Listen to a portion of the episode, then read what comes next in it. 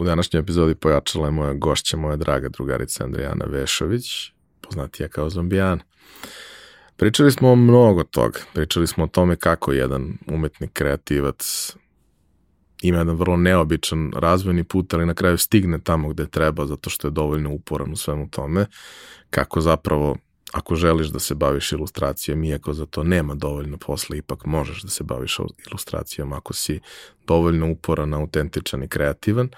Pričali smo o raznim nekim jako bitnim životnim stvarima i ispričali smo celu njenu karijeru i njen razvojni put.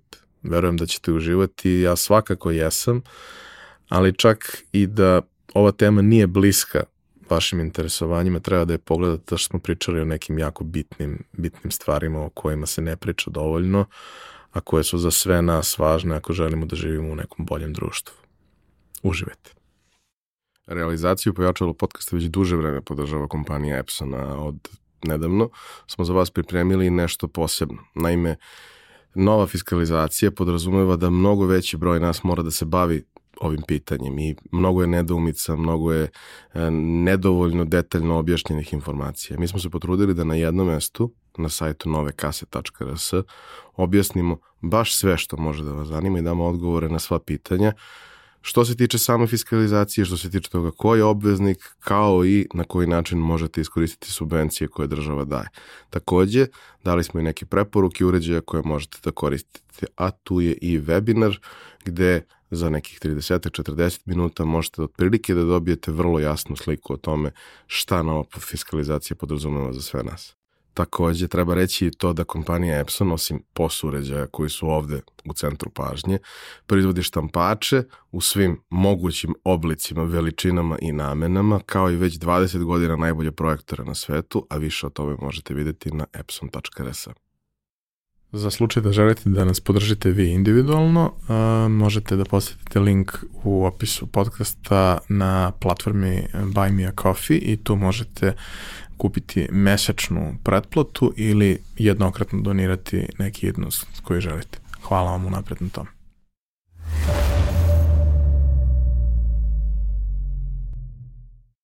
Pa dobro, gdje si ti? evo me.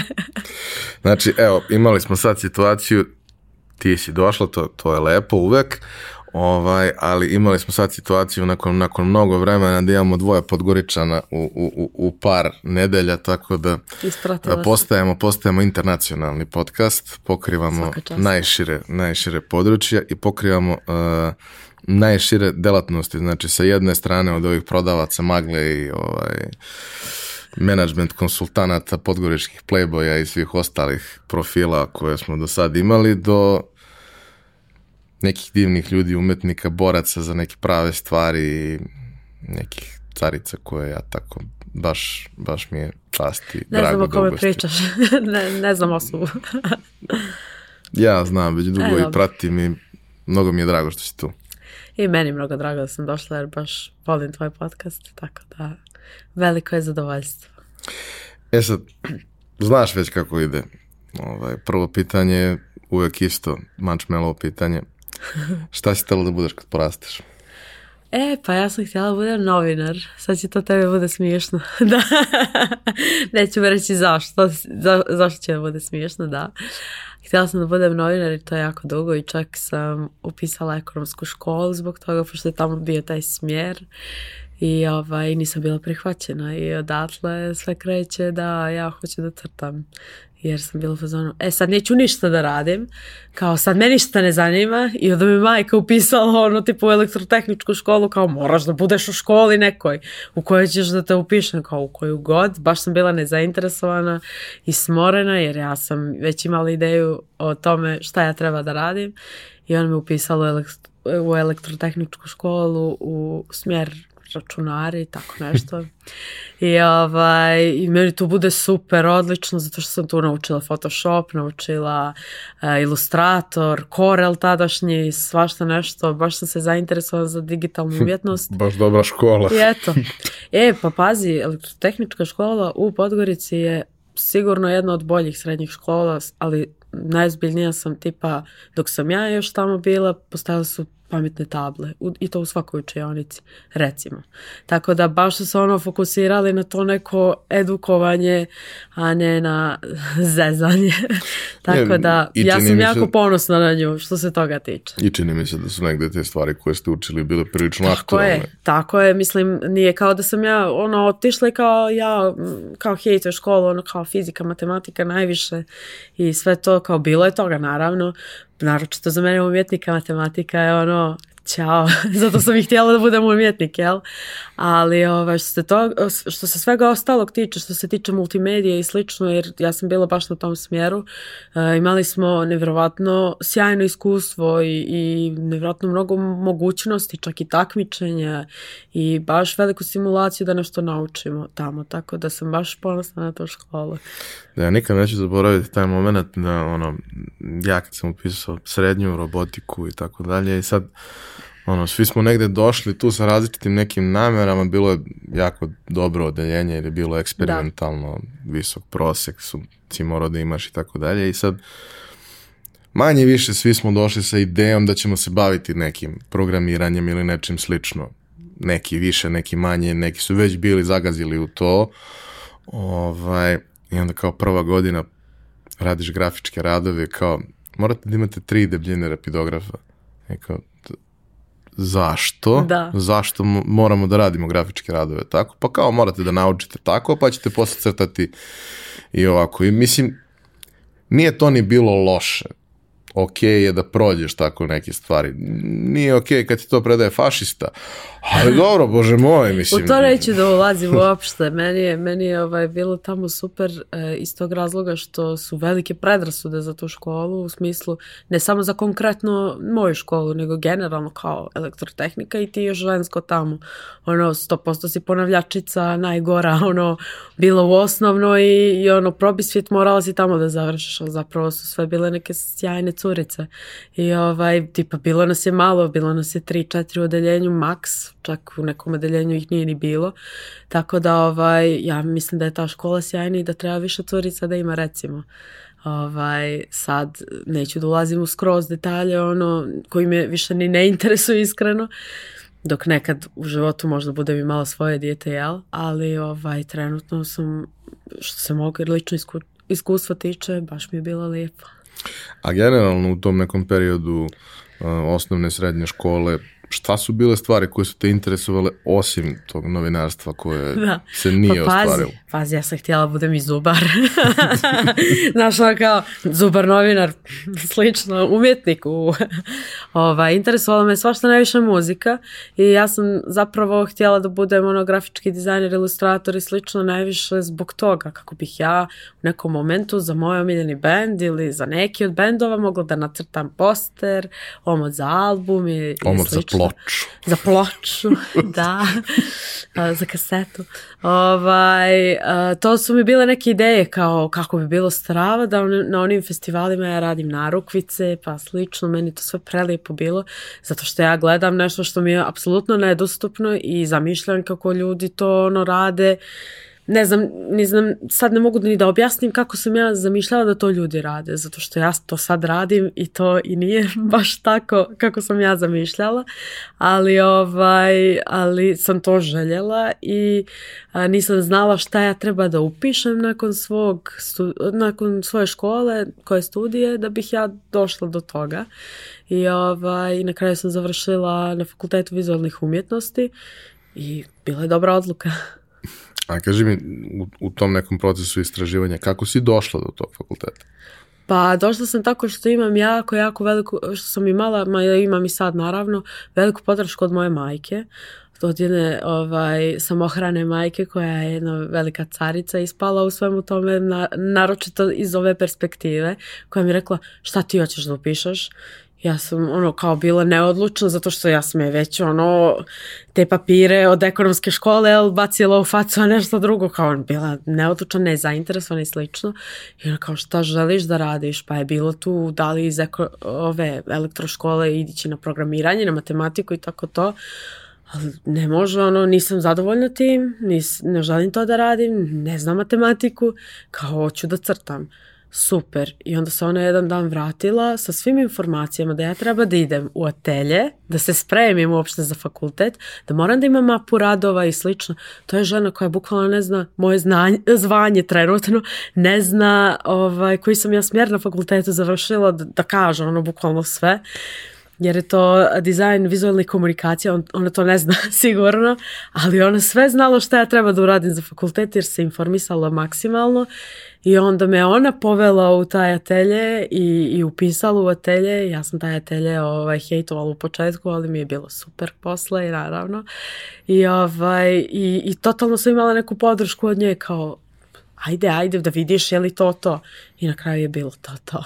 Ne znam mnogo roditelja koje bi na, na, na, na takvu konstataciju, ono, želim da crtam, želim da slikam nešto tog tipa, Iskreno ni ja. I iskreno ni ja. Ja sam, ja sam dugo čak mislila da, da i ona to, da ni ona mene ne podržava u smislu uh, tipa ja sam bila, tek sam krenula na fakultet i, i imam ispred sebe a, svoj laptop i kad završim ja sa s tim stvarima za fakultet, ja sam imala svoj forum koji sam ja non stop dizajnirala, redizajnirala, te ovaj skin, te onaj skin, te malo HTML ovako, te onako i tu je trebalo dosta vremena, pogotovo kad tek početnik u tome, pa istražuješ koji kodovi radi, koji ne, pa cijeli kod zeznaš i slično ovaj, ona je znala da kaže šta ima na tom kompjuteru, zatvori ga više.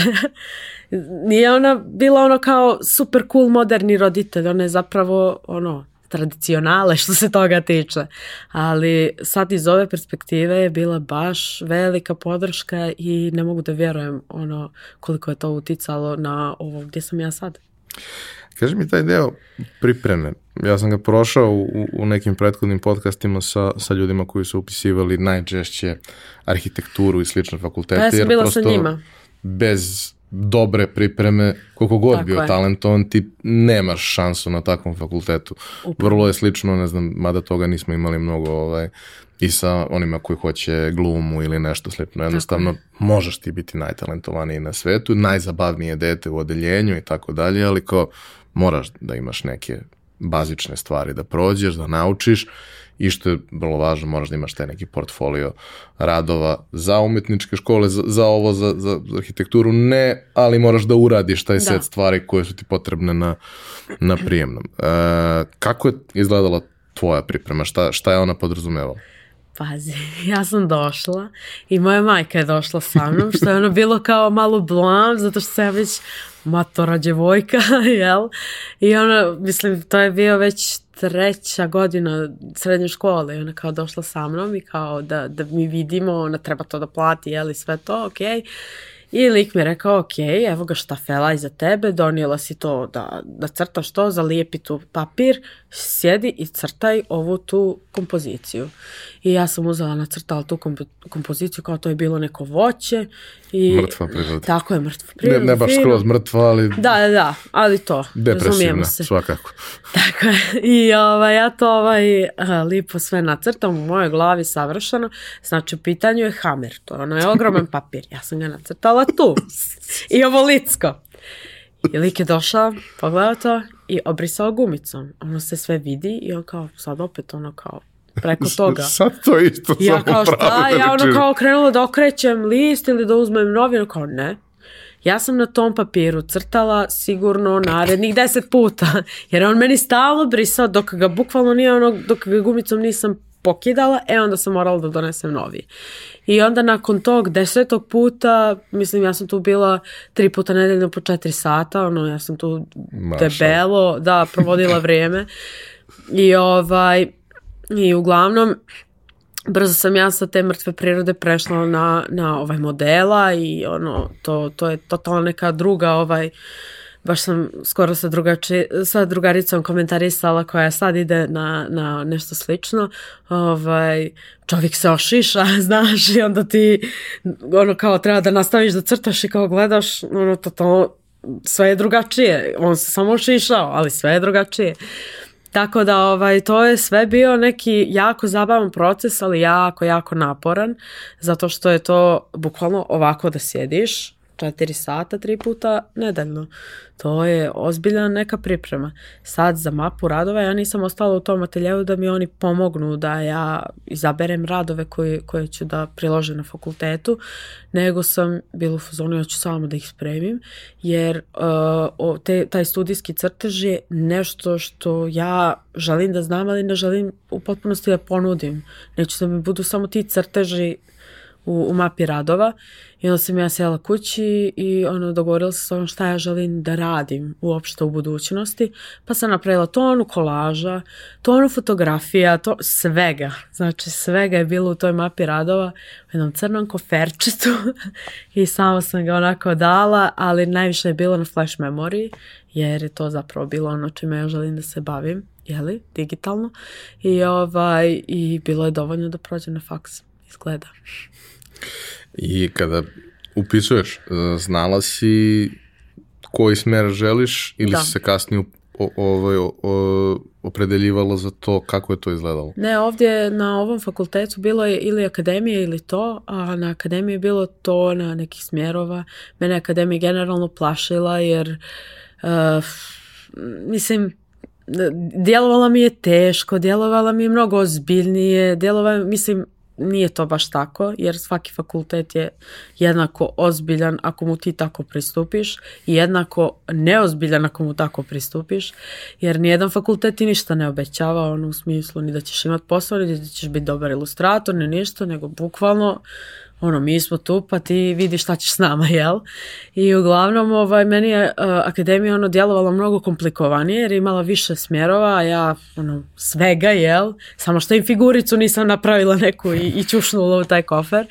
I, ovaj, jer sam i to radila u tom momentu, ono, baš sam imala tonu nekih interesovanja i, i htjela sam sve o to o čemu ja razmišljam i šta radim da pretočim u nešto čime se ja bavim.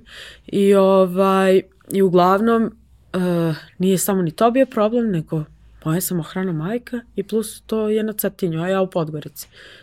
Znaš, tu bi bilo dosta troškova i ne znam, meni je to sve djelovalo mnogo komplikovanije, iako se ona nije bunila protiv toga, ali kao, bilo je kao opcija, ali ja sam bila u fazonu, ajde u Podgorici ću, tu na 10 minuta od kuće.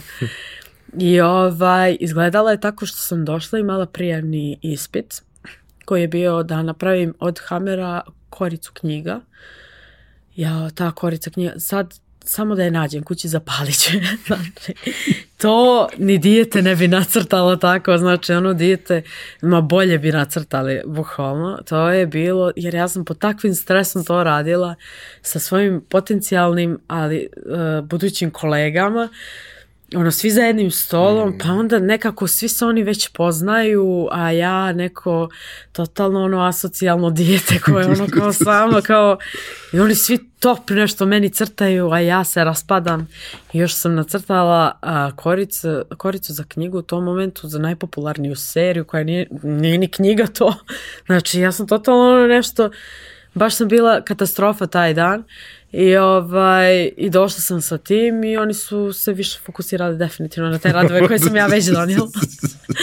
I onako me ispitali šta je moja ono vizija, ono čime ja želim da se bavim i onda kad sam to krenula da pričam da bih voljela da radim, ne znam, postere, da bih voljela da radim u muzici, da, da dosta to radim za izvođače, njihove grafičke prikaze toga što oni izvode, pjevaju šta god. Uh, filmu, pozorištu, nebitno, oni su se ovaj, ono, oduševili što sam donijela taj digitalni dio jer je malo ljudi donijelo digitalni dio. Čak i oni koji su željeli fotografiji da budu, oni su izradili slike. I ovaj, i eto, mene na tom fakultetu nakon toga. A kaži mi, od, od tih nekih ljudi koji su, koji su tad prvi put upoznala, koji su ti bili generacija, ovaj, i kasnije ljudi koji si upoznala kroz faks sa drugih godina i tako da. dalje. Koliko njih je bilo, da kažemo, negde sa sličnim interesovanjima i planovima kao ti, a koliko je više bilo okrenuto ka tom nekom klasičnom umetničkom, a ja volim da kažem i analognom delu ovaj sveta? A, pa zapravo manje ih je bilo da su bili analogni baš ih je manje bilo. Čak neki od njih su definitivno zalutali i trebali da idu na akademiju jer su imali to, tu i vještinu i, i čist potencijal da, da bukvalno odu tamo i da se usavršaju u slikanju ili vajanju i šta god ih je zanimalo, jer mi smo imali na fakultetu samo dvije godine studijskog crteža, jer na kraju ti budeš grafički dizajner ili digitalni ilustrator. Ono, tebi studijski crtež, postoji granica do, do koje on može da ti pomogne. Ja ga više ne crtam jer ja sam sve što sam mogla od njega da naučim, naučila. I, ovaj, i, i isto je tako na fakultetu, ti dosegneš neki nivo, ja mogu da nacrtam sad fotorealistično tebe, ali Neću, može još, ali neću. Pa, je, pa upravo to je izbor jer može još dosta ljudi, može čak ljudi koji nisu ni, ni, ovaj, ni školovani što je još i fascinantnije jer oni sami mogu da pohvataju te detalje. A, tako da je bilo ih je dosta a, koji su ist, takođe ovaj, usmjereni ka ovaj, digitalnom dijelu naravno, ali ih dosta nije a, ovaj, prepoznalo koliko je važno ostati na društvenim mrežama, jer društvene mreže su bile popularne od momenta od kad sam ja ušla na fakultet, a to je 2010. Već je tada sve ono krenulo tad je bilo ono obavezno da imaš Twitter u mojoj glavi i slično, ali nije tako baš bilo za sve i ovaj, vidim ih i dan danas da dosta njih ne izlaže radove, što je baš tužno jer su sjajni, baš su sjajni.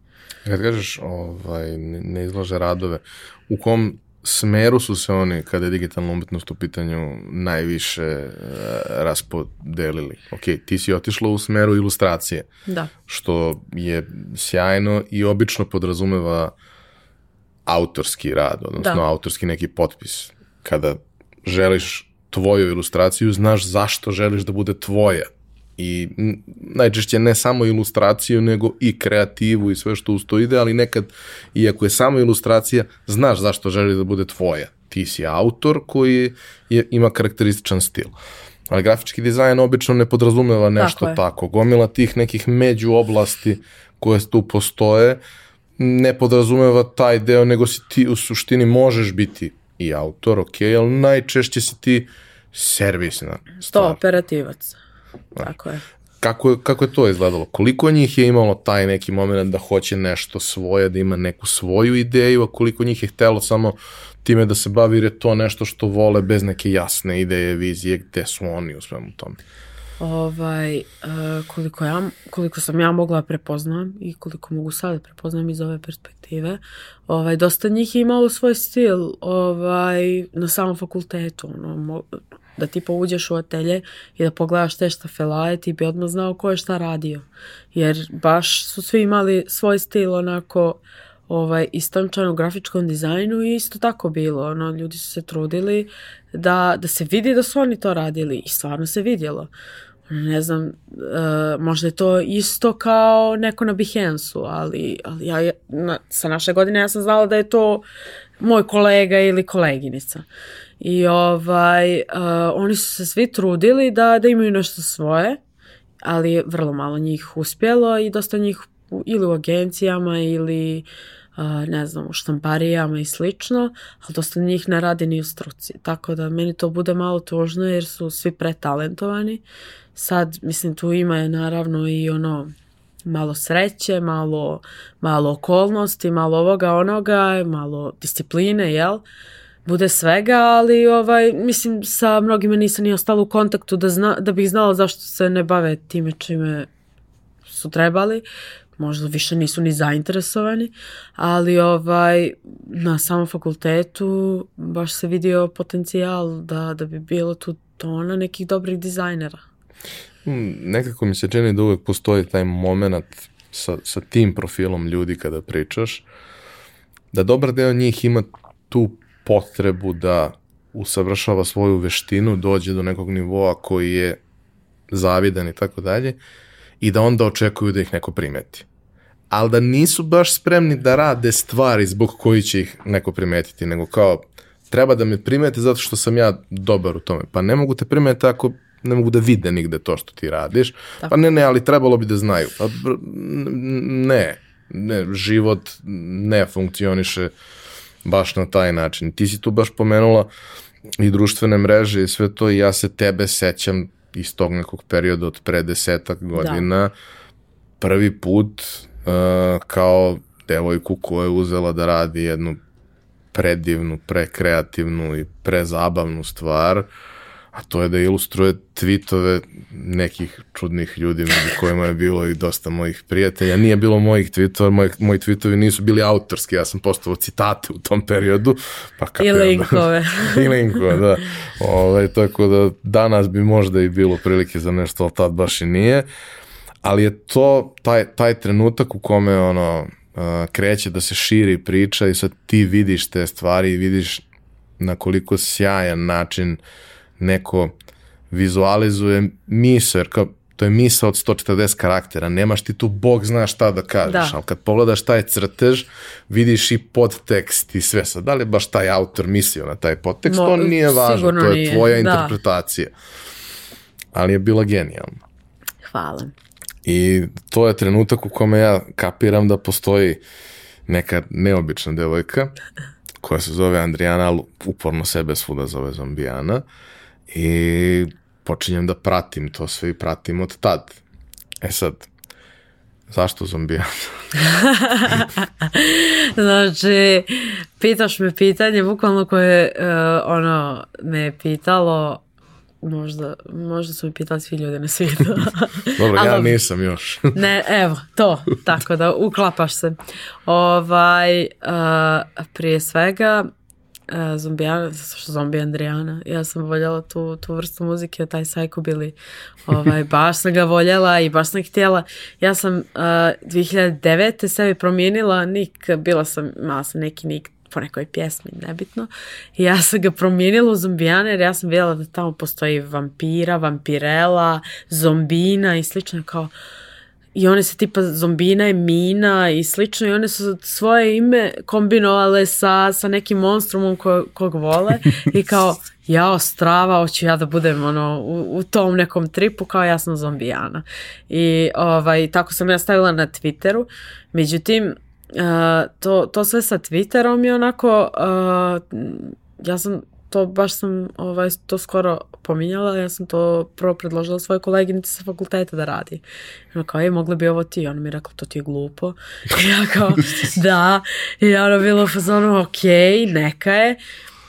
Glupo je, ja odmah prihvatila da je glupo i onda ovaj, vratila se kući, ono malo gledala te tweetove, ja sam tada na Twitteru baš bila aktivna i družila se sa tim ljudima, dopisivala se slično i kao što ne bi ovo neko crtao, zašto ovo neko ne crta, kao zašto to nisam ja?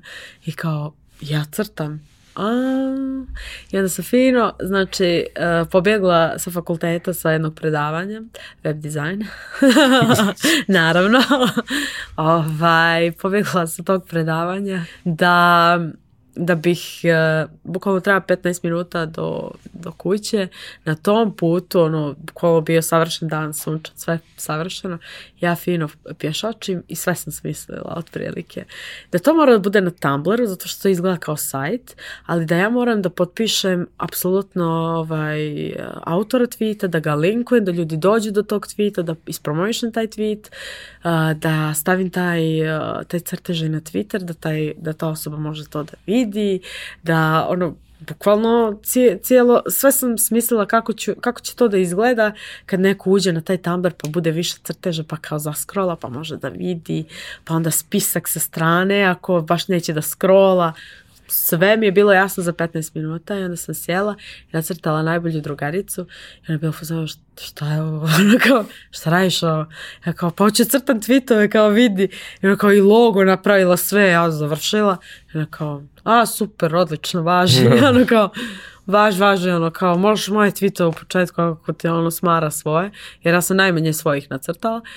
I ovaj I tako je krenulo ono čim neko vidi, ljudi vole besplatne stvari najviše na svijetu, a pogotovo kad im neko ono da malo pažnje, pa je to ono linija, nebitno. I ovaj, tu je bilo ono ljudi koji, koji ja nisam ni pratila, koji su me ono spopadali, a ja, a ja, a ja, a ja sam fino htjela prvo sve one što volim i gotivim da nacrtam i tako sam i uradila. I to sam radila iz dvije godine I sam ukapirala da i tu postoji limit. Ja, ali mislim da je ovaj, prvo jako važno što si istrajala u tom procesu dugo, a ono što je meni tu posebno značilo, osim što mi je predstavljalo izvor zabave, je činjenica da sam ja kroz to upoznao neke zanimljive ljude, neke zanimljive autore, ne sad autore u ovom, da kažemo, svetu digitalne umetnosti, ali autore koji zanimljivo pišu. Da. Jer kao Twitter je i tad počinjao da bude toksična zajednica. Jeste. Ali ne daleko, na način na koji danas. Daleko drugačije. Ovaj, dok je bilo manje poznatih ljudi, bilo je predivno.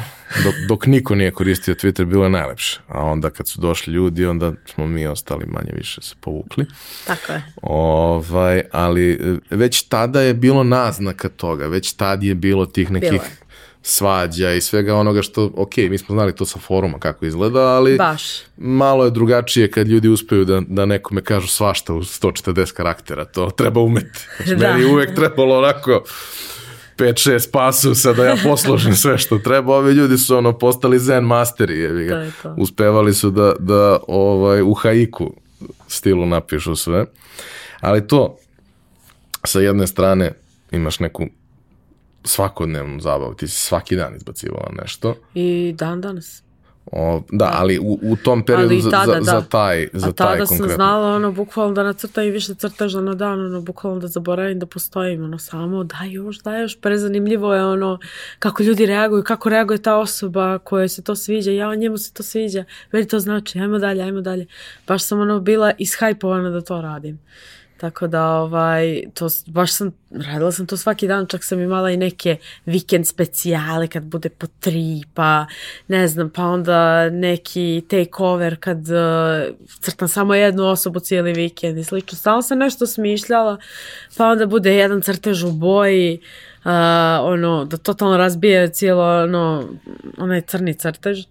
I ovaj, svašta nešto sam to radila i, i ljudi su ono zamišljali da ja, ne znam, to crtam, ne znam ni ja u kakvom svemirskom brodu, a ja to crtam za trpezarijskim stolom sa štampačem ispod njega, da bih mogla da skeniram to sa papira, da bih mogla još da ga retuširam u Photoshopu i izbacim na Twitter. E, šta, je, šta ti je donelo to, osim činjenica da te Twitter populacija zgotivila jer si crtala njihove da, misli? super i hvala im, stvarno. A ovaj, a, donijelo mi je karijeru. Bez pretjerivanja. Jer a, ja u momentu kad završavam sa tim, ja sam u fazonu, ja ovo moram da prekinem jer ja ne, ne želim da budem zombijana što crta tweetove. Uz dužno poštovanje ne želim da budem odrolije. dužno poštovanje, stvarno. Svima, sv- za sve ima mjesta na, tweet, na in- ovom internetu. A, ovaj, nisam željela da budem to, nisam željela da konstantno fabrikujem tuđe, da, da bih imala neku promociju sebe, jer u tom momentu je to počelo da liči na to, kao ja sad juri lajkova, ja sam stvarno bila ishajpovana da nešto radim sa nekim, da ono kao, ja ovaj tvoj tweet mi se mnogo sviđa, ja sam ga čak i retvitovala, ja sad moram i da ga nacrtam. A, baš sam tako nekako pristupila tome naivno, ono se pretvorilo posle dvije godine u to kao, je hoćeš mene, ja ću ono kao, ne znam, da ti, da ti to šerujem, a ja imam 20.000 followera. Brate, ja sam najviše nacrtala a, tweetova od moje drugarice koja je u tom momentu prestala da tweetuje. Ja sam njene stare crtala, ono kao, ona, ona više nije imala followere. Nije mi bilo važno, meni je samo bilo važno da je potpišem i to je to, ono kao, to je njeno. I onda se desio jedan dobar tweet, a to je zašto zombijani ne crtati svoje tweetove, zato što ono kao ja da sam zombijana, boga mi ne bih ja tuđe crtao, ono, imam i ja nešto da kažem. I kako budem u fazonu u pravu si čoveče. I ono što se sad dešava je da ja crtam svoje tweetove, ja više ni ne tweetujem, nego, nego crtam svoje tweetove i stavljam ih na Instagram. Ono, misli. Tako da ovaj, donijelo mi je ono što ja jesam danas, a uz to je išla disciplina, išlo je, um, išla je samo, mislim, promijenila sam platformu definitivno, jer Twitter je za mene postao pretoksičan u, odavno, odavno. Mislim, ja sam prva tamo griješila, ja, ja sam bila svakakva osoba e, prije ovoga što sam sad i bila, mislim, drugačija sam bila prošle nedelje nego što sam sad, ali tada sam bila mnogo, mnogo drugačija i daleko nezadovoljnija ono, i, i tužnija osoba i, ovaj, i to kako sam se ja ponašala tamo mi se i meni sada ne sviđa, tako da mi je baš drago da sam se udaljila od toga jer imam osjećaj da sam i procvjetala od momenta kad, od tog momenta od kako sam prestala da pišem, jer nerijetko te povuče da i ti se ubaciš u tu taj krug nekog nezadovoljstva i, i samo isticanje onoga što ne voliš, a zapravo, brate, život je baš super. Mm, ono što ja mogu da ti kažem kao neko ko je to pratio i gledao sa strane, mada verovatno nisam relevantan pošto sam i ja hejter, ovaj, bez obzira na to što si bila hejter, mislim da se iz aviona videlo da si car, tako da... A, hvala. Okay. Uh, Zombijana crta tweetove imao i svoju, da kažemo, fizičku manifestaciju kroz izložbe koje yes. se dešavale. Manje više, kako beše, desetak 15. 15 izložbi je bilo ovaj, i obišla si celu Srbiju ili bilo nešto i po regionu? Bilo je, bilo je, bilo je uh, u Srbiji, u Bosni, ovaj, u Hrvatskoj. Uh, nisam bila jedino u, u Sloveniji i Makedoniji. Ono, kad pogledaš, uh, svuda okolo jesam i ono, i u Crnoj Gori sam bila jednom. I o, jednom, naravno, ono, niko te neće u, u tvom selu. ne, ne, ono kao, mi znamo ko si ti, nekima si okej, okay, nekima nisi, ali nećemo te, šalim se, da, da se malo angažujem, verujem i da bi, da bi tamo bilo cool da ponovo napravim nešto, nego sad, ono, korona se desila i slično, imala sam razne planove, ali od, od korone nekako ne mogu da zamislim sebe među ruljom ljudi koja me ono pita kao, e, prodaješ li ovaj rad ili i možemo li da se slikamo? E, i meni je to sve predobro ali, ali ovaj, trenutno ne mogu sebe da zamislim među toliko ljudi ovaj, kao što možda vjer, vjerovatno većina nas ne može ali ovaj, bit će vremena da se vratimo tome. Tako da to se sve izdešavalo te prve godine je to bilo nevjerovatno. Uh, sledeće godine će 10 godina od prve izložbe, znači a ove godine 10 godina od kako sam počela to da crtam. I prva je bila u Parobrodu i znam da je bilo mm. preko 200-300 ljudi ono da su prošli tuda i da su dolazili poslano danima pošto ona bila 7-8 dana izložena i meni, ja, meni to i dalje ono kao nevjerovatno. Ja se sjećam kako je to bilo jer sam ja prošao, nisam svraćao jer Aha. sam video da je bilo pa više pa od, od 300 ljudi je da. bilo. Ja sam video da su tu ti ljudi, ja i tad nisam voleo ljude i onda sam diskretno prošao kolima, mahnuo i da, nastavio tu dalje. Tu sam bio. da. Ova, jer kao, video sam sve to u digitalnom da. obliku, da. ne moram da ga vidim Tako i uživo ovaj, lepa stvar za introverte kad postoji opcija virtualne galerije, a ne samo prave.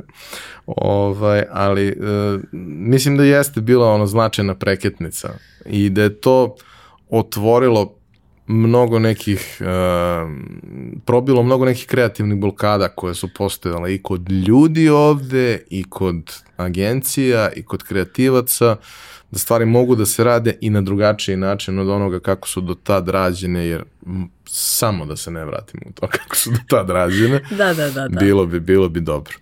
A, ono što bih isto hteo da te pitam sad u kontekstu tog vremena negde, je šta ti je bio prvi posao? Šta su ti bile prve stvari koje si radila za, za nekog? Za novce. Prvi ikad ovaj klijent je meni bio Telenor idemo s neba pa u rebra. I to je bila, uh, ja volim tu priču da ispričam zato što mi je neverovatna i dan danas ono, ne mogu da vjerujem da se to tako desilo, zato što ja sa tom djevojkom i danas sarađujem. Uh, ja sam došla na razgovor, znači pisala mi je ta cura i ja vidjela njeno ime i prezime, ja kao, hoćeš da dođeš na sastanak kod nas? Hoću. Telenor Crna Gora je bio u pitanju.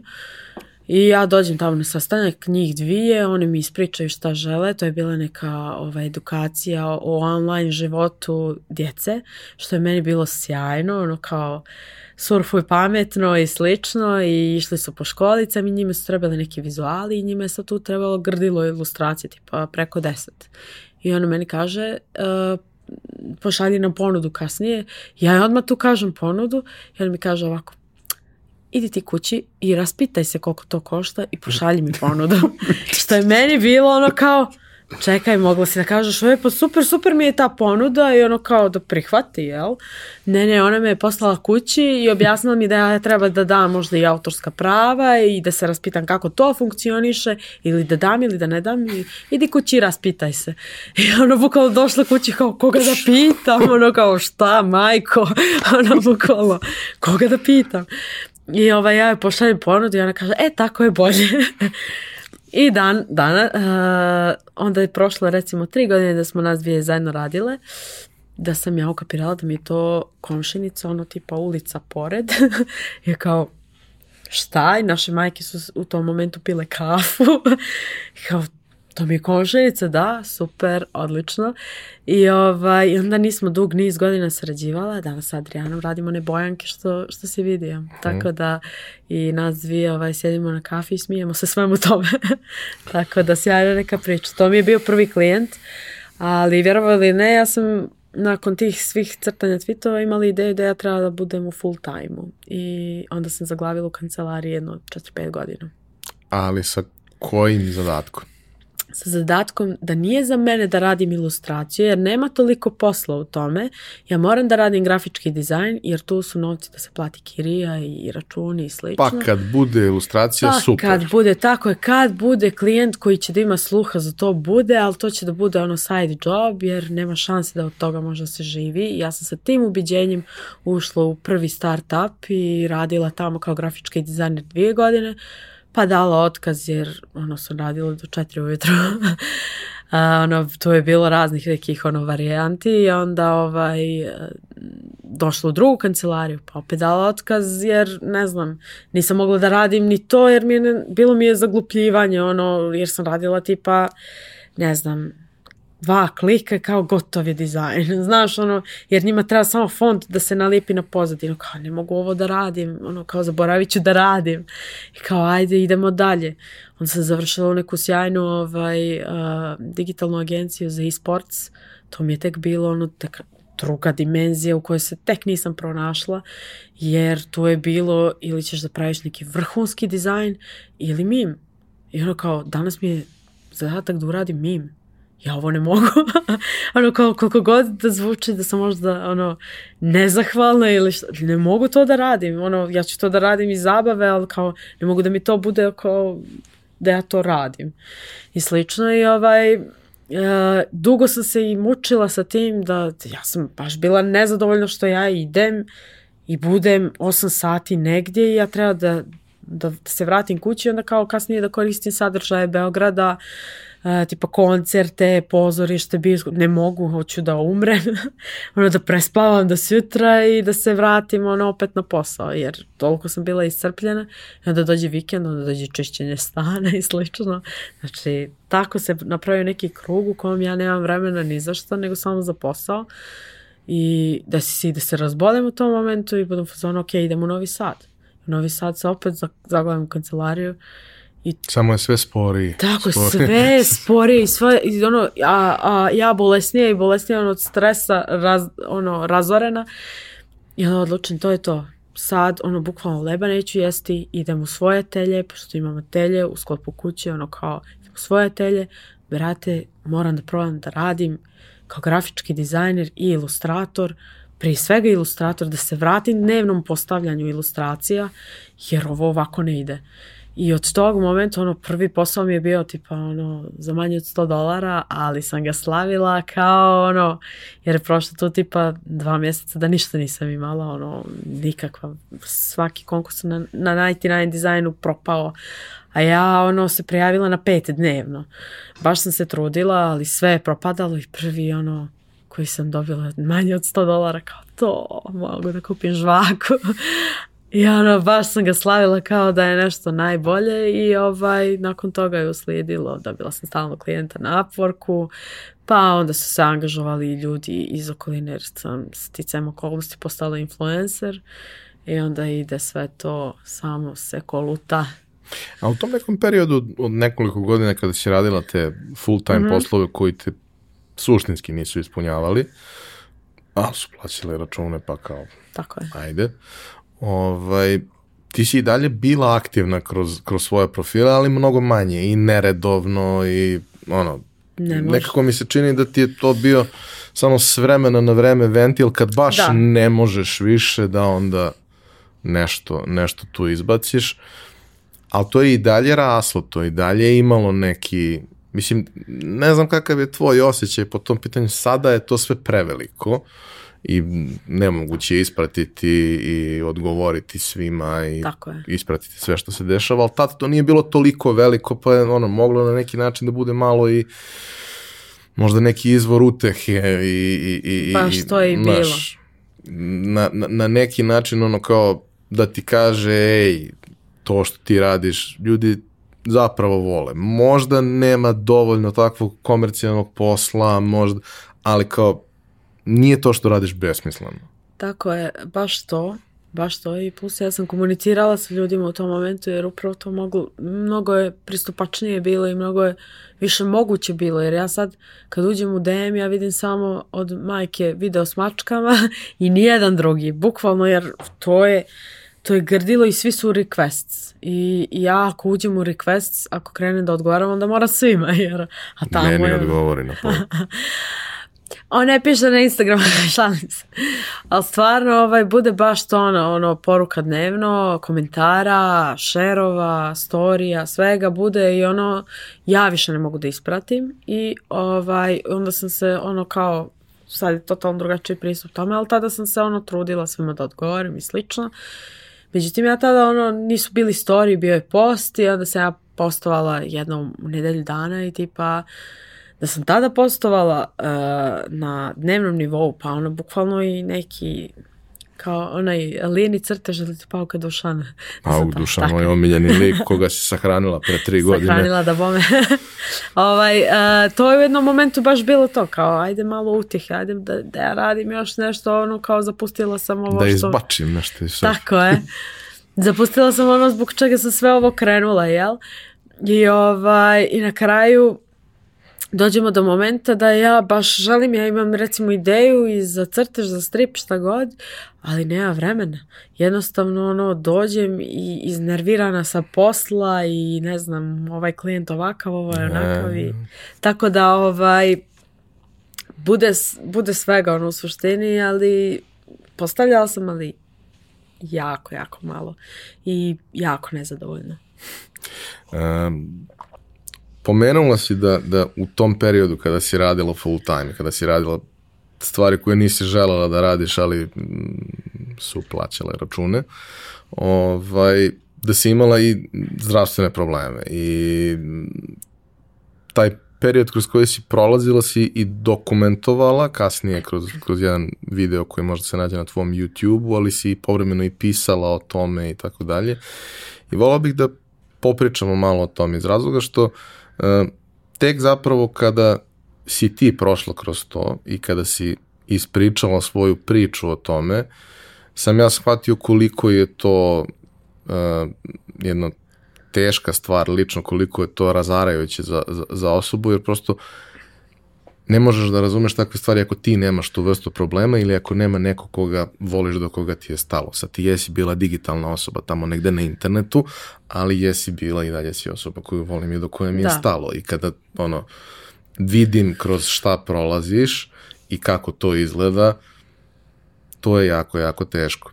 Uh, pitanju su bili problemi sa aknama, ali ne baš uobičajeni problemi sa aknama, ono, tinejdžerski i slično, nego na jednom malo kompleksnijem nivou, ali prosto kod nas odnos prema takvim stvarima nije baš um, sjajan, da se tako izrazim, da ne koristim neki teži izraz. Volao bih da kažeš nešto više o tome. Mi ćemo link o, za video staviti u opis svakako i svakome preporučujem da to pogleda bez obzira na to da li je imao problem ili zna osobe koje imaju probleme, ali bih volao da ti ispričaš kako je to zapravo izgledalo iz tvog ugla, zato što mislim da je to ono, možda jedan od, od, od težih trenutaka koje sam, i iskrenijih koje sam video na našoj influencerskoj sceni, iako ne bih to podveo po to, ali kao generalno kad influenceri pričaju svoje teške priče, meni probavno digestivni trakt obično kaže tu nešto nije u redu, a ovdje mi je srce igralo kao da i u pitanju neko ko je moj ili, ili ja ili član porodice. Ka, šta se dešava? Prije je svega hvala ti, ovaj, a, to je baš lijepo za čuti i dobila sam i dosta takvih poruka, stvarno, a, jer ja, ja sam o tome mogla tek da pričam dvije godine nakon što sam se izliječila, znači ja nisam dugo mogla o tome da pričam i onda ovaj, bude malo, uh, ne znam, mogu slobodno da kažem komično kako to ljudi posmatraju ovako kao ide, ide operi to lice, ono kao ma šta, pođeš samo kod dermatologa, kao riješiš to. Kao, hvala ti, to sam pokušala 7 godina, ono kao ništa nije radilo. Meni je cijeli problem uh, počeo stvarno sa tim kao nekim ovaj, teenage aknama, ok, ali se on uh, povukao. Ja hoću da kažem da sam već imala osjetljivu kožu, ali se uh, taj problem povukao odmah nakon što sam krenula na fakultet i sve je bilo ok u tom periodu, ali od momenta kad ja počinjem, dođem u Beograd i budem totalno sama, ocijepila sam se od, po, od svoje porodice, od svojih prijatelja, promijenila državu, koliko god da je to tu, nije to tu kad nemaš para, nego je to baš daleko. I ovaj, i živim sama, radim i ono, nemam prijatelja, i imam kolege samo. I ovaj, ja sam vrlo, vrlo ovaj, ograničena na to koje ljude viđam i u tom momentu ja sebe ubijedim da ja ništa ne mogu sama, ni da izađem ono, u bioskop, ni u shopping, ni ništa. Čak imam jedan post i o tome. Uh, jer ono, ja sam tu osoba sa 21 godinu i meni treba društvo, meni treba brat da ga ono vučem i ono kao neću, ali ipak ide sa mnom. I to mi je trebalo u tom momentu, ali to nema u Beogradu, to je u Podgorici. A meni je nekako, ono, ja sam dobila tu priliku i ja sam došla za tu priliku. I ovaj, i onda je krenuo prvi stresan full time posao i on nije, on, meni nije samo bilo stresno što sam ja u toj prostoriji toliko dugo, nego, nego sam taj odnos sa, sa ljudima, sa klijentima, sa, sa poslodavcem i slično pa to, to nabijanje obaveza i slično koje, koje nekad nisu bile moje obaveze.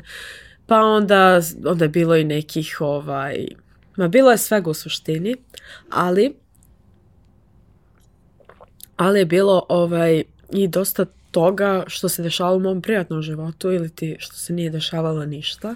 Što sam ja ono uh, znala danima da budem sama, da, da tipa cijeli vikend ne progovorim, nego da pođem do prodavnice čisto da bih mogla kažem nekome dobar dan ili nešto.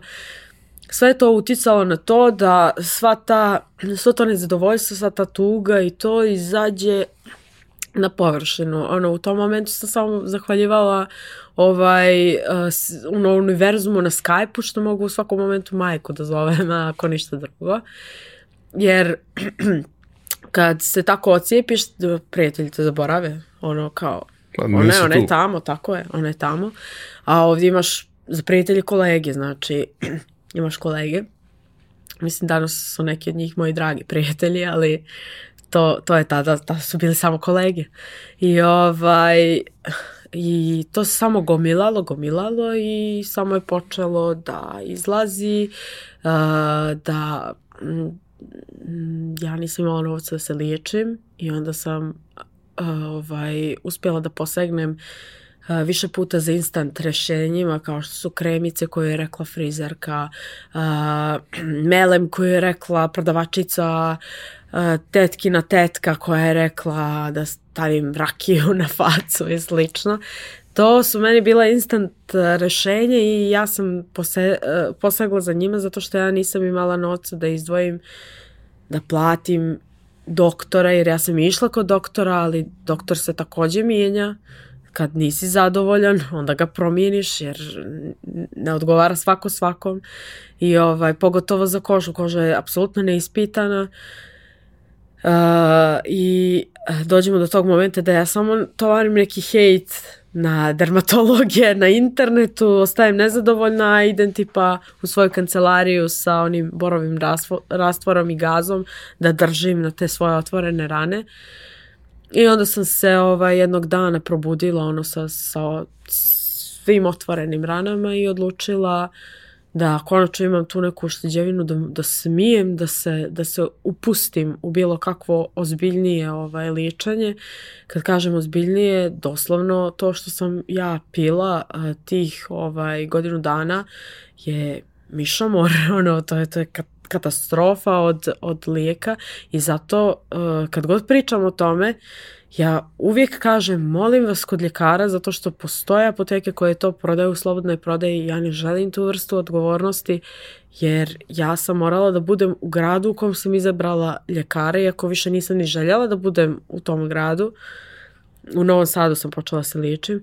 Ja sam željela da idem kući, da, da, da mi bude majka tu. A, ko bi želeo da bude u Novom Sadu? A nije baš tako.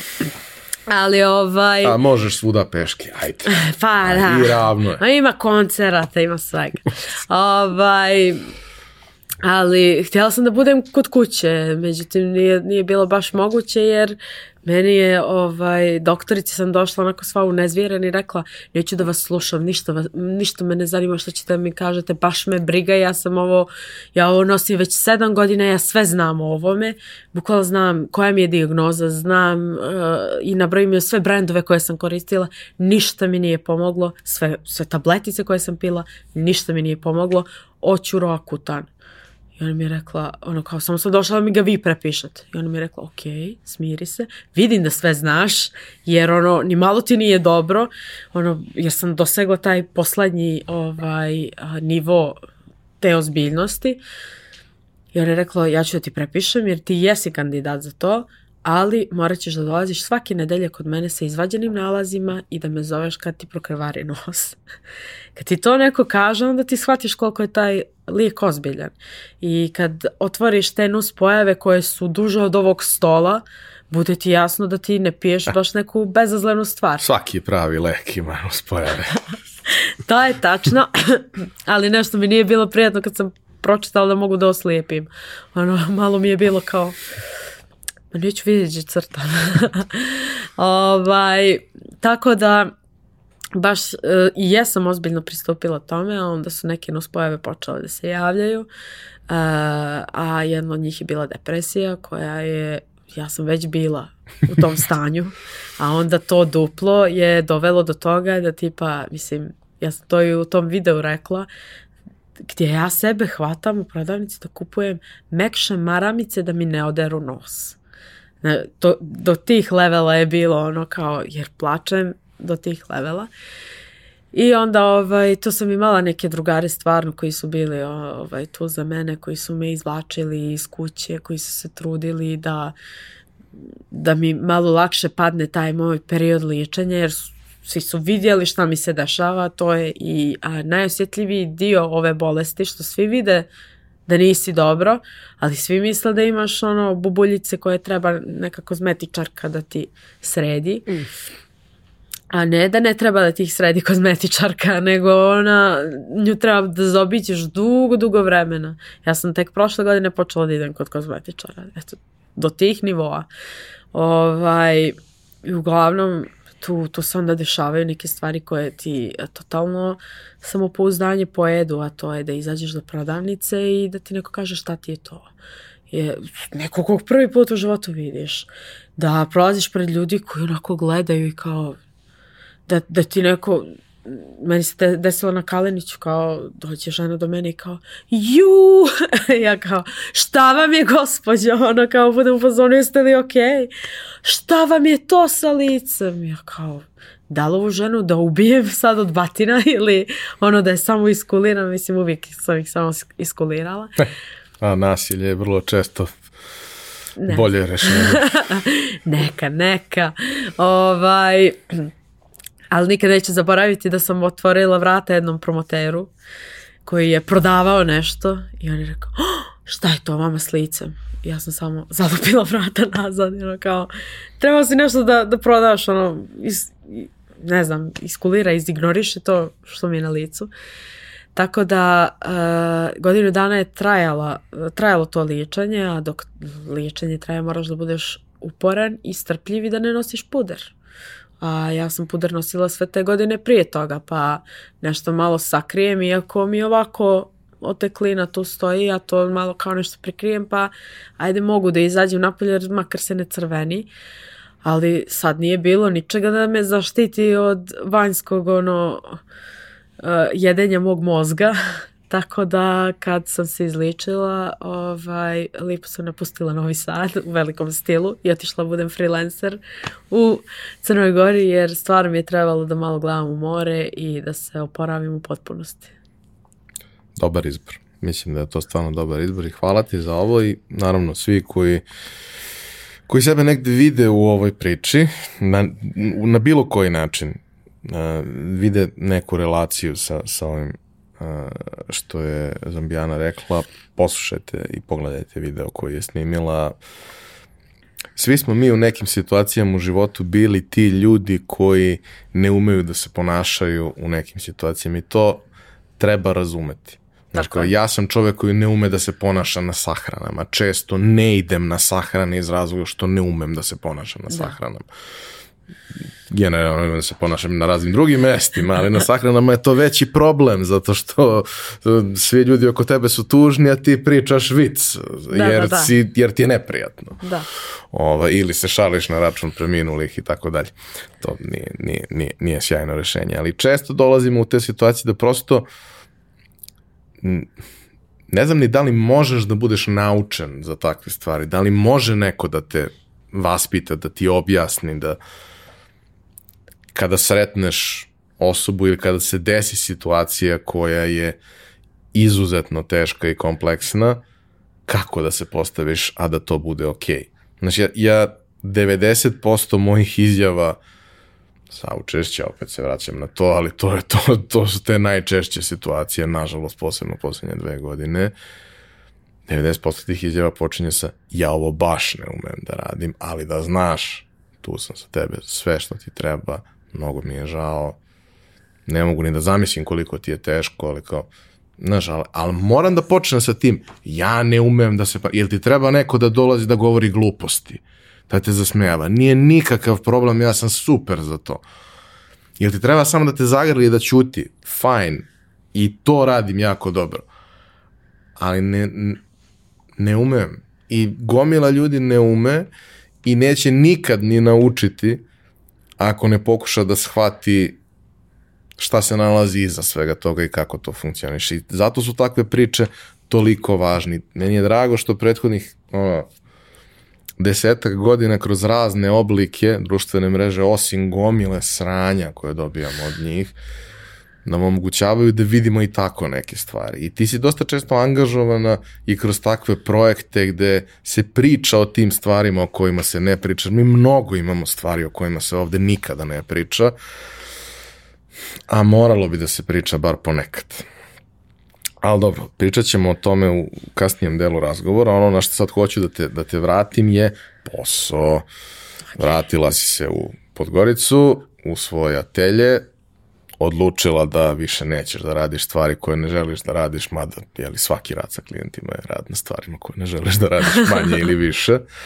Ovaj, kako, kako si krenula, šta ti je bila ono prva polazna osnova? Ok, presekla si da ti to želiš, ali kako zapravo uđeš u svet freelansa i kako je teko taj prvi korak do tog posla od 100 dolara i nakon toga? Pa to je to je počelo zapravo još i u Novom Sadu, jer ja, jako je teško da radiš dok si bolesan. To, to ja ne mogu samo sebi i dalje da objasnim ono da tipa kad mi se začepi nos, kao iskuliraj brate, lezi malo, popitaj čajić, neće ništa da izgori. No, ne zavisi životi od tvog posla. Fino si izvini, I to je okej, okay, okej, okay, ispašćeš ono neozbiljno ili, ili će neko da razumije, a ono, postoje te dvije opcije, ali niko neće da crkne, ono, bez ilustracije, sve je okej. Okay. Ja to i dan danas ne umijem, ali tada, tada sam uh, upadala u taj krug, ono, uh, gdje ja dobijem kao nekog klijenta, I onda probijam rokove zato što ja ne znam ili ne mogu da se probudim ili, ili jednostavno ono ne živi mi se i ovaj i uzastopno probijam rokove i u nekom se krugu vrtim gdje ja volim to da radim, ali ne mogu da ga radim. Ono jednostavno ne mogu. Niti imam ideju kako, niti, niti mi se sviđa sve što sam uradila i slično. I onda sam ja u Novom Sadu ovaj, vratila 99 Design i tamo počela se prijavljujem na konkurse kao ok, mogu jedan dnevno i to kad budem ono super hajpovana, pa ostatak dana neka spavam, nema veze, moramo ovo da probamo, da radimo. Andrijanice, samo sebi ovaj, objasnim, mora to da se proba da se radi, jer inače nećemo imati lebe da jedemo, jel? I ovaj, i onda sam tako krenula da se prijavljujem i znala sam često da ulazim u, u ovaj spisak finalista i slično i onda se razočaram zato što iz drugog nekog izaberu i slično. Pa u tom momentu ja i dalje crtam sa štampačem. Ja nisam napredovala i dalje zato što ja uh, imala sam novca da se ličim i da napredujem profesionalno. I, I dalje sam imala tu neku ideju o tome da ja treba i dalje da budem grafički dizajner.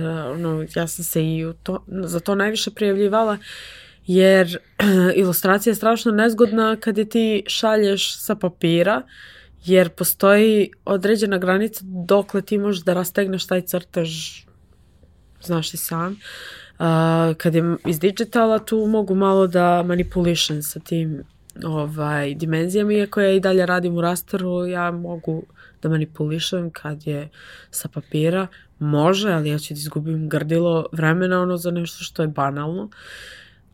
I, ovaj, I dalje sam ja sa papira slala i uglavnom sam se prijavljivala za to gdje nisu potrebni printevi i slično. Pa sam u jednom momentu otvorila Etsy, pa sam krenula da prodajem nekakve bedževe. Svašta nešto sam pokušavala, ali 99 Design mi je bio mjesto gdje sam bila uporna i ovaj, prijavljivala sam se baš na dosta konkursa i na baš dosta sam bila odbijena. I prvi gdje sam bila prihvaćena, znači ja sam počela aktivno to da radim u avgustu, prvi gdje sam bila prihvaćena je bio u aprilu. I ono kao, eto ih ti 100, da, 100 dolara. A ja sam na 99 dizajnu od 2010. tipa. Uh, nisam ga koristila naravno ovaj, toliko u toj mjeri, ali kao te godine sam odlučila, kao mora. I prošlo je to i kao eto ih ti 100 dolara i onda se kasnije zarotiralo sve to zato što su oni meni čim sam prvi osvojila dali odmah top level. Kao ok, vidimo šta radiš, super nam se sviđa. Jer imaš opciju, iako ti failuješ sve te ovaj, konkurse imaš opciju da sačuvaš te radove u svom portfoliju. I onda neko od njih pregleda taj portfolio i bude fazonu, a, pa nisi ti više entry level, ti si sad top level. I onda te to pogura, zato što u top levelu za klijenta kad uđe na sajt, prvo što vidi je top level i onda kre, uh, ovaj, klikne taj top level i tu se pojavim ja među ostalim dizajnerima i onda je dolazilo više jedan na jedan projekata i dan danas tako bude, nego što sam ja zapravo morala na konkurse da se prijavljujem. Ja se danas na konkurse prijavljujem kad mi se baš, baš, baš sviđa neki konkurs i, on, i to je obično za 99 design uh, zajednicu. U smislu, e, otišla nam je jedna od naših ovaj, iz stafa na porodiljsko, hoćemo da je smislimo neki cool poster kao i oni to u potpunosti onako ispoštuju što se tiče samo konkursa i slično. Znaš da je siguran da je provjeren i uh, super bude tema uvijek. Jedne godine su pravili kalendar, pa ne znam, jedne godine su pravili za TikTok, uh, to jest mislim da je bilo prošle godine, za TikTok su pravili kao pozdrav na svim različitim jezicima. I kao samo je tvoje bilo da nacrtaš zdravo, i da ga lijepo ovaj, obojiš i slično i da to uploaduješ i oni izaberu recimo 50 dizajnera i svi dobiju novac. I to mi je, to, to mi je djelovalo kao super zajednica i jeste super zajednica i bila sam super zaštićena od uh, platforme i danas sam i ovaj uh, bilo je ne fair situacija dosta, ali, ali je baš ovaj bilo super. I taj moment mm Generalno, kad, kad postoji taj princip po kome neki od tih platformi funkcionišu, to je ono da imaš gde se vas sto bori za neki bounty, da. to je uvek triki, jer ti Jeste. posebno ako autorski radiš nešto, jednostavno ne sviđa se svima. Ti si Tako možda uradila nešto sjajno, ali Ne sviđa se svima. Postoji određeni procenat ljudi kojima se sviđa Da. i to je to. Onog trenutka kad ti upadneš u neku preselekciju ljudi, ljudi te kontaktiraju zbog toga što ti radiš. je. I oni žele nešto tvoje, što ne znači da neće biti pakao sa njima, Tako je. jer ljudi žele nešto tvoje, ali svoje. Pa ako Tako bi da mogla ti, misli, tako je. ako bi mogla pročitaš misli, ako bi mogla malo po 86 put da promeniš nešto. Tako je, ba, baš zato se i dešavalo tih nefer situacija, zato što ono kao pa jesi li me uposlio zbog ovoga što ja radim ili nisi.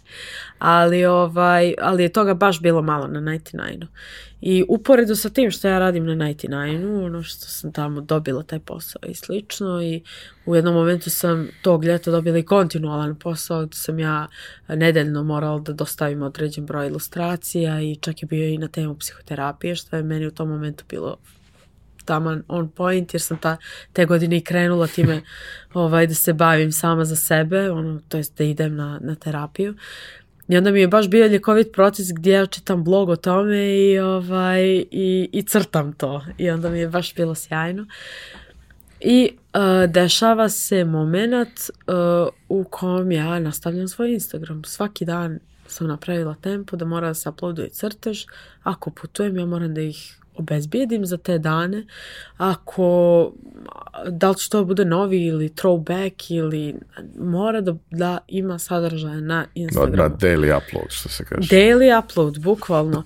Sad, uh, taj daily upload nije ono kao u fazonu uh, mora, mora da se radi, nego je u fazonu, brate, ti voliš tvoj posao, zašto ga ne radiš?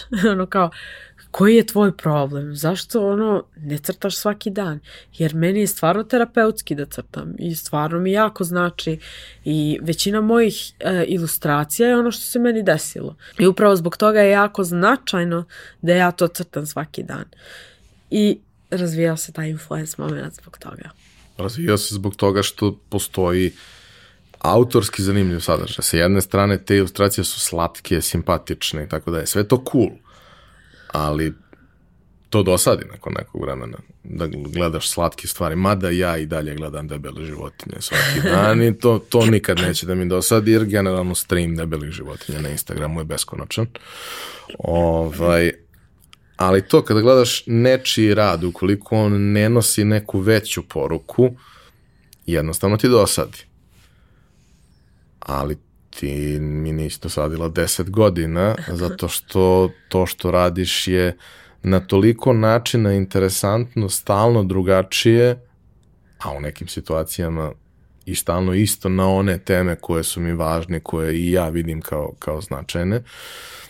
I taj neki tvoj karakteristični autorski potpis gde ono, postoji i trunka cinizma, postoji i trunka hejta, postoji, postoje sve emocije sa spektra, znači nije ono uh, cvetići, leptirići, jednorozi duga, jer kao ja stvarno ne mogu te stvari, meni Naravno. to, meni se povraća od toga, a ima mnogo toga, ima mnogo princeza i tih stvari. Ono, ja kapiram da bi tvoja princeza bila sjajan lik.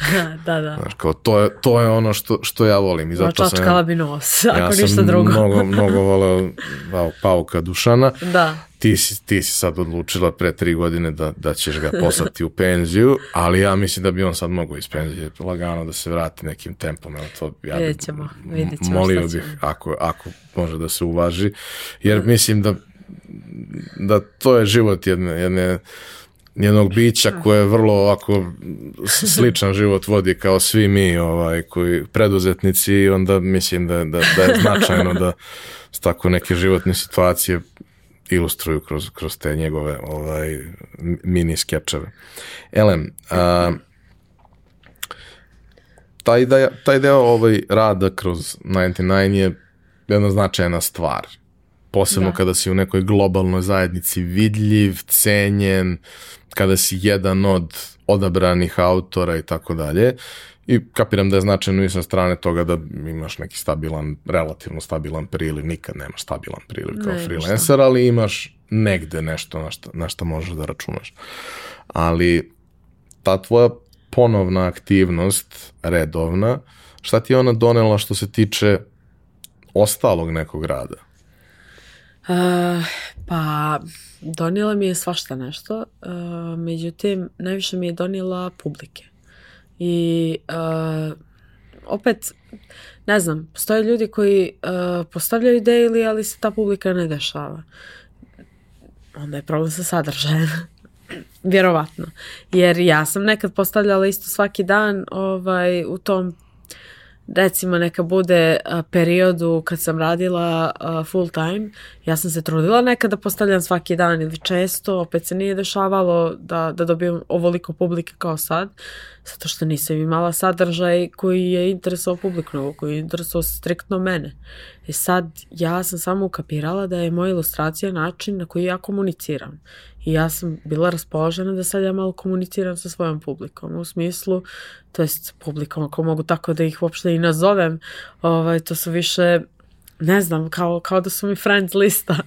ovaj, Uh, sad ja uh, sam odlučila da dijelim sa njima neke stvari koje smatram da se dešavaju i njima, ali da ih ogolim od personalizacije u smislu nije to Andrijana, nego smo to svi mi i kao, ako se pronalaziš za tebe, ako se ne pronalaziš nije za tebe, više sreće sledeći put. Čak i ako se ne pronalaziš, a vrlo često imaš tu situaciju da se pronalaziš kroz nekog ko ti je blizak. Tako je, ali, ali opet ja pozdravljam sve koji, koji se ne pronalaze i kojima se to ne sviđa, meni je to skroz ok. Uh, međutim, ovaj, uh, mnogo više ljudi se pronađe i onda bude zanimljivo Uh, kako oni imaju neki spin-off na to, kakve oni komentare imaju na to, bude baš dosta zanimljivih komentara. I onda mi je to donijelo nešto što je zajednica. Tako mogu slobodno da nazovem. Jer uh, šta god da sam ja radila, pre, umjela sam da prepoznam ljude koji se izreda vraćaju i kao podržavaju me, uh, podržu, podržavaju me da čitam glasove na Eurosongu, a nešto drugo. E, ja sam baš teo, jedan od stvari kojima bih zaključio razgovor je da pitam, dobro, hoće li to? Daćemo, hoće li ove godine? Šta da radimo po tom pitanju? Ovaj, koji, koji me podržavaju dok ja učim da vozim, e, koji me podržavaju dok ja, ne znam, ono, biram uh, iste identične patike sa mojim budućim mužem.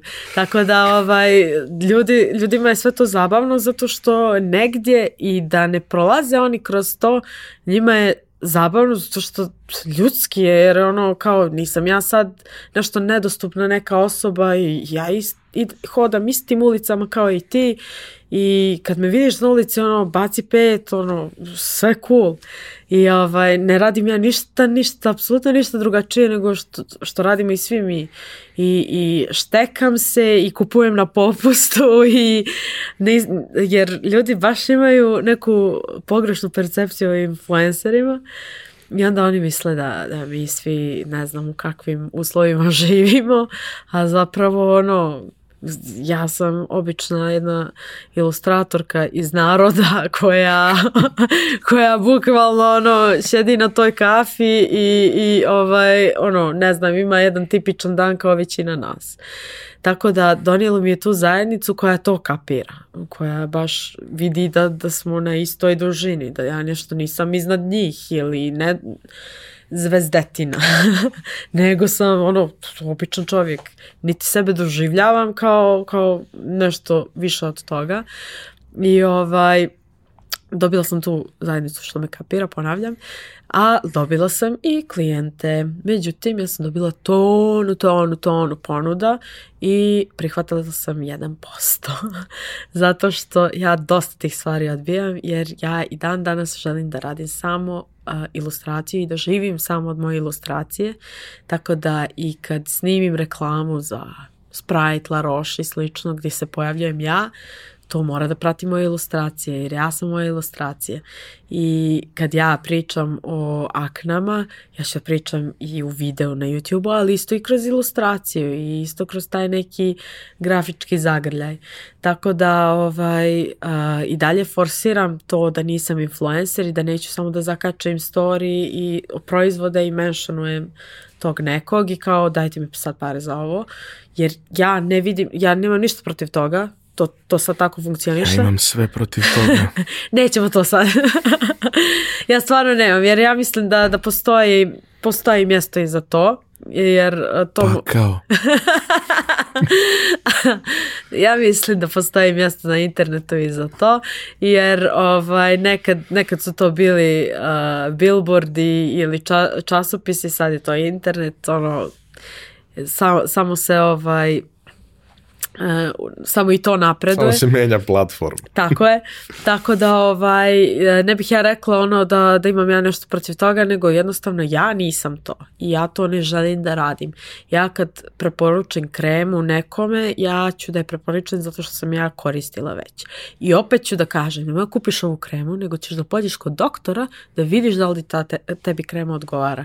Pošto ta krema ima određene sastojke iza koje ti ne umiješ da pročitaš zato što tipa piše na latinskim nekim ono, katastrofe pišu iza. Ja sam ono tek kad sam krenula se ličim naučila ono šta treba da izbjegavam iza da piše. Tako da ovaj uh, čak i ako je ja preporučujem i ako je meni radila ne znači da će tebi. Isto je i za sve. Od ono, ne znam, neke hrane do kreme, do ovoga, onoga. I jako mi je važno ono da se, da se to zna i da, da nisam ono da, da, da, da ne prodajem samo ono tu priču kao e, idite kupite to i to je super. E da nam je više takvih influencera.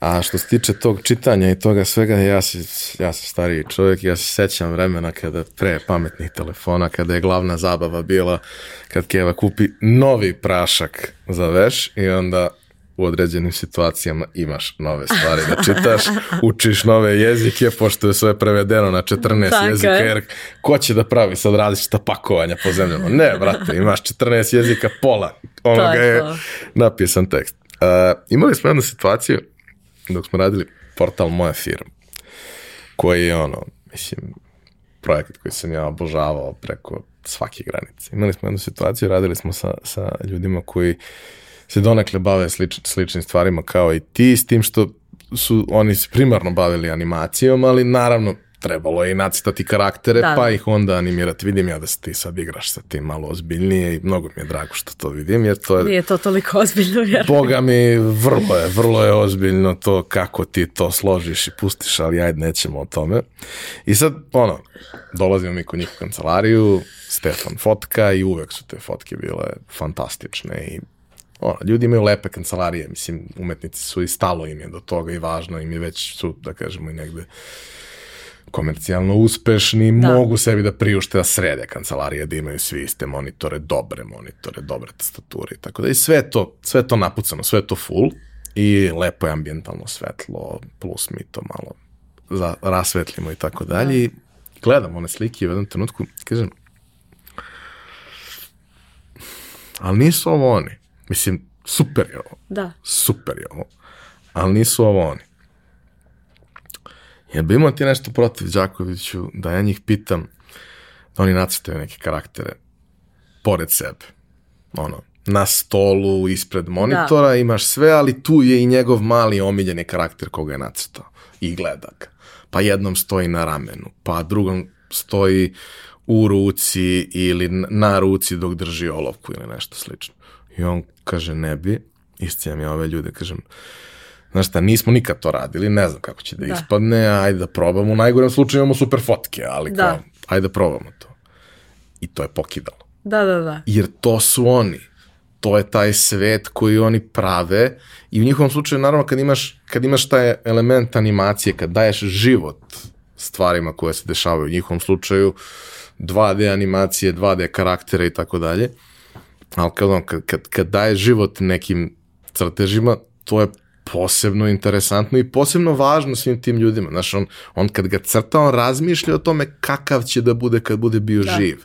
Jedna stvar je kad ti crtaš statički neku stvar, pa kao, dobro, ovoj pozi je sladak. Ne, ovaj mora bude sladak u svakoj pozi, jer on treba da prođe kroz niz poza kroz, kroz ono što radi. I to mi je bilo genijalno, on nikad neće zaboraviti taj, taj intervju i, i to što se dešavalo posle njega. I otprilike u tom periodu sam se uh, navukao na to da u mobilnim igrama, koje su tada bile već tad su bile prilično napredne i imao si ove 3D ludilo igre koje izgledaju ko na kompu i sve, ali si počeo da imaš gomilu tih igara koje samo imaju mnogo lepu priču, ono, platformi po sa nivoima, mnogo lepu priču, beskrajno čarobne karaktere, i dan danas ono, mislim, meni je omno na, najslađa stvar na da. svetu. Meni kad, ja kad sam gladan, ja i dalje pošaljem njega kako je gladan, da. zato što je on presladak.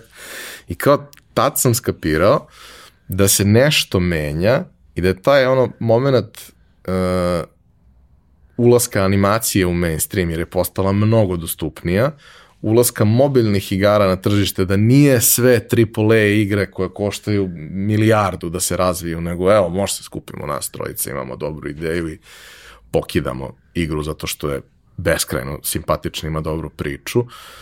Da mi je taj moment ono toliko bio uh, lep i toliko uh, otvorio neki niz mogućnosti ljudima koji, koji imaju talente da se pronađu u svetovima u kojima pre toga za njih nije bilo mesta. Da. Znaš, kao pre si ti mogao da budeš ono artist u game studio ili koncept artist, recimo to si možda i mogao, ali sve ovo ostalo, nemaš ti šta da crtaš, mislim, nema tu crtanja, to je neko sedne, oteli se tri meseca da izmodelira nešto što liči na čoveka, teksture, to, ne, što kaže, često sam to volao da kažem sa onim delom tehničkog crtanja i ono, tih stvari za koje sam se školao, kao, brate, ovo je više programiranja nego što je crtanje. Da. Znaš, kao AutoCAD funkcioniše tako što imaš komandnu liniju, ne moraš povučeš ni jednu liniju, sve kucaš. Od da. koje do koje tačke i to sve. I to je, ok, ja ne bih volao da mi neko kreativno nacrta kuću u kojoj treba da živim, pa da je onda majstor još kreativniji urad. da. Znači, ja bih volao da to neko nacrta, što se kaže lenjirom i šestarom i svim tim potrebnim delovima. Ali nisu sve stvari takve, neke stvari želiš da imaju život, da imaju dušu. Mislim, skoro smo, ovaj, sarađujemo sa, sa istim brendom koji obožavamo do, do imbecilnosti. Skoro sam dobio od njih poklon koji je u suštini tvoja uramljena ilustracija. I ja stalno dobijam poklon od brendova. Nisam ja ne znam kakav influencer, ali da, ja bi da, ga da. nekakav jesam, valjda. Ili me vole, ili nemam pojma šta je. A to je poklon koji me oduševio. Da. Zato što to si ti i jedan od mojih omiljenih brendova. I to je to. To je prava stvar. E sad, taj moment pomenula si na samom početku, taj posao prvi koji si radila sa, sa Telenorom koji je bio interesantan. Radila si svašta nešto kroz razne periode i došla si u poziciju, malo si i samu sebe isforsirala, a malo si i došla zbog godina, kilometraže i svega u poziciju da zapravo možeš da biraš. Da. Ovaj, šta su ti kriterijumi kada biraš osim proste činjenice da to mora bude nešto što ti voliš i koristiš i da treba da bude na tvoj način. Kao, ko su, pa kaži i ko su brendovi, projekti sa kojima radiš, koje voliš? Uh, prije svega, moramo da imamo sjajnu komunikaciju od starta, profesionalnu, u smislu, uh, u onom momentu kad pređemo na Viber, ja prestajem. to jest kad se traže da pređemo na Viber, ja prestajem. U onom momentu kad mi počnemo da komuniciramo na Whatsappu, iako je krenuo projekat, ja znam da sledeći put neću raditi taj projekat.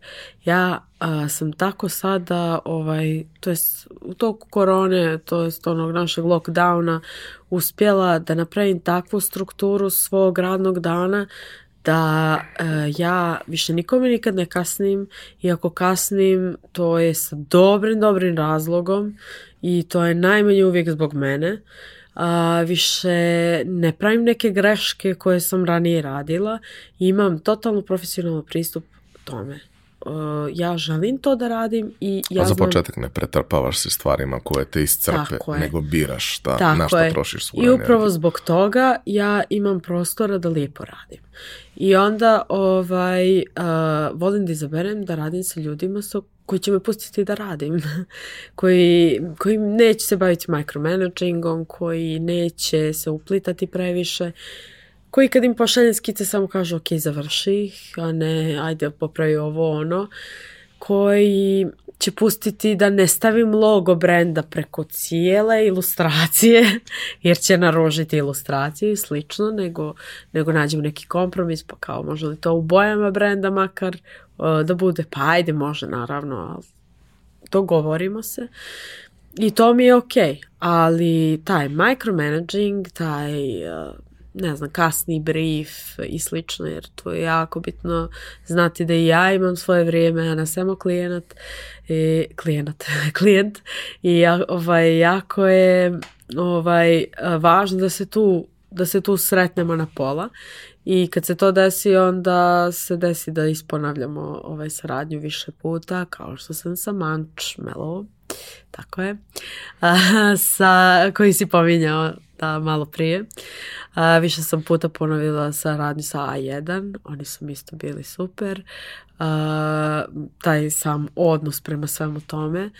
A, La Roche-Posay, Sprite, tako da bilo je stvarno super kampanji, jer recimo Sprite je vodio kampanju protiv hejta na internetu, La Roche-Posay dizao uh, ovaj um, dizao uh, taj cijeli hype oko toga kako treba prihvatiti svoje lice. Ok, to mi se dešava, ali isto tako ga i liječiti. I to je prvi klijent koji je rekao, ok, naglasi da treba doktor. naglasi, ok, mi imamo te proizvode, ja sam te proizvode koristila i u toku liječenja, znači zbog toga sam ja bila oduševljena kad su me oni zvali. Jer u toku liječenja sam koristila to za umivanje, to za mazanje i slično. Ali oni su rekli reci da treba doktor, jer doktor stvarno treba. A naše kreme su tu ono kad liječenje počne. Sredstvo. Tako je. Tako da ovaj, eh, kad se dese takve stvari da neko kaže kao ok, to, to tako treba, ti znaš. Uh, onda ovaj, kad se onako uvažimo s obje strane, onda to bude jedna uspješna i predivna saradnja. A kad se ne uvažimo, ono završi se i ne ponovi se ili, ili se uopšte ni ne desi. A od tih uh, društveno angažovanih projekata na kojima si radila, a kad to kažem, to uvek kod nas ima neku polu negativnu konotaciju iz najčešće opravdanih razloga. Uh, sa druge strane, stvari na kojima si ti radila su meni baš bile, bile sjajne, pa bih voleo još malo da, da kažeš o tom delu, jer prosto uh, to je dosadno, to nikog ne zanima, niko ne želi da se bavi time, to su jedne od onih stvari od kojih skrećeš pogled, ako ti neko to ne približi na način sa kojim možeš da rezonuješ. Da. A ti to umeš. Pa, ne znam kako to umijem, iskreno. Evo, recimo, skoro sam radila mis, nije skoro, prije par mjeseci. Radila sam najtežu kampanju koju sam ikad radila, a to je protiv seksualnog nasilja sa sigurnom ženskom kućom iz, Crne, iz Crne Gore, iz Podgorice. Ovaj, I to je baš bilo teško. To je, ja sam morala da sedim sa njima i da se informišem prije svega, jer uh, meni se nije desilo seksualno nasilje i ja ne mogu da znam kako je žrtvama. Isto tako, ne, ne da ne žalim, nego neću uopšte to ni da pomenem, ono, u smislu na crtežu ili nešto opravdavanja nasilnika ili nešto tako. Ne, znači, želim da moja ilustracija ne bude pročitana uopšte u tom smjeru ikada. Onda ovaj, tu ima dosta tih začkoljica zato što žrtva i, ima baš puno osjećanja i, i žrtva je žrtva i treba je pristupiti baš nježno i baš oprezno i a, meni su one i zapravo najvažnije u smislu kako će one to da prihvate i kako će one to da vide, nego kako će tamo neka strina koja će da opravda nasilnika, jer ona mi nije ni cilj. Meni je cilj da ja informišem neku ženu koja se to dešava, koja možda nije ni prepoznala da joj se to dešava ili koja ne zna kako to da prijavi.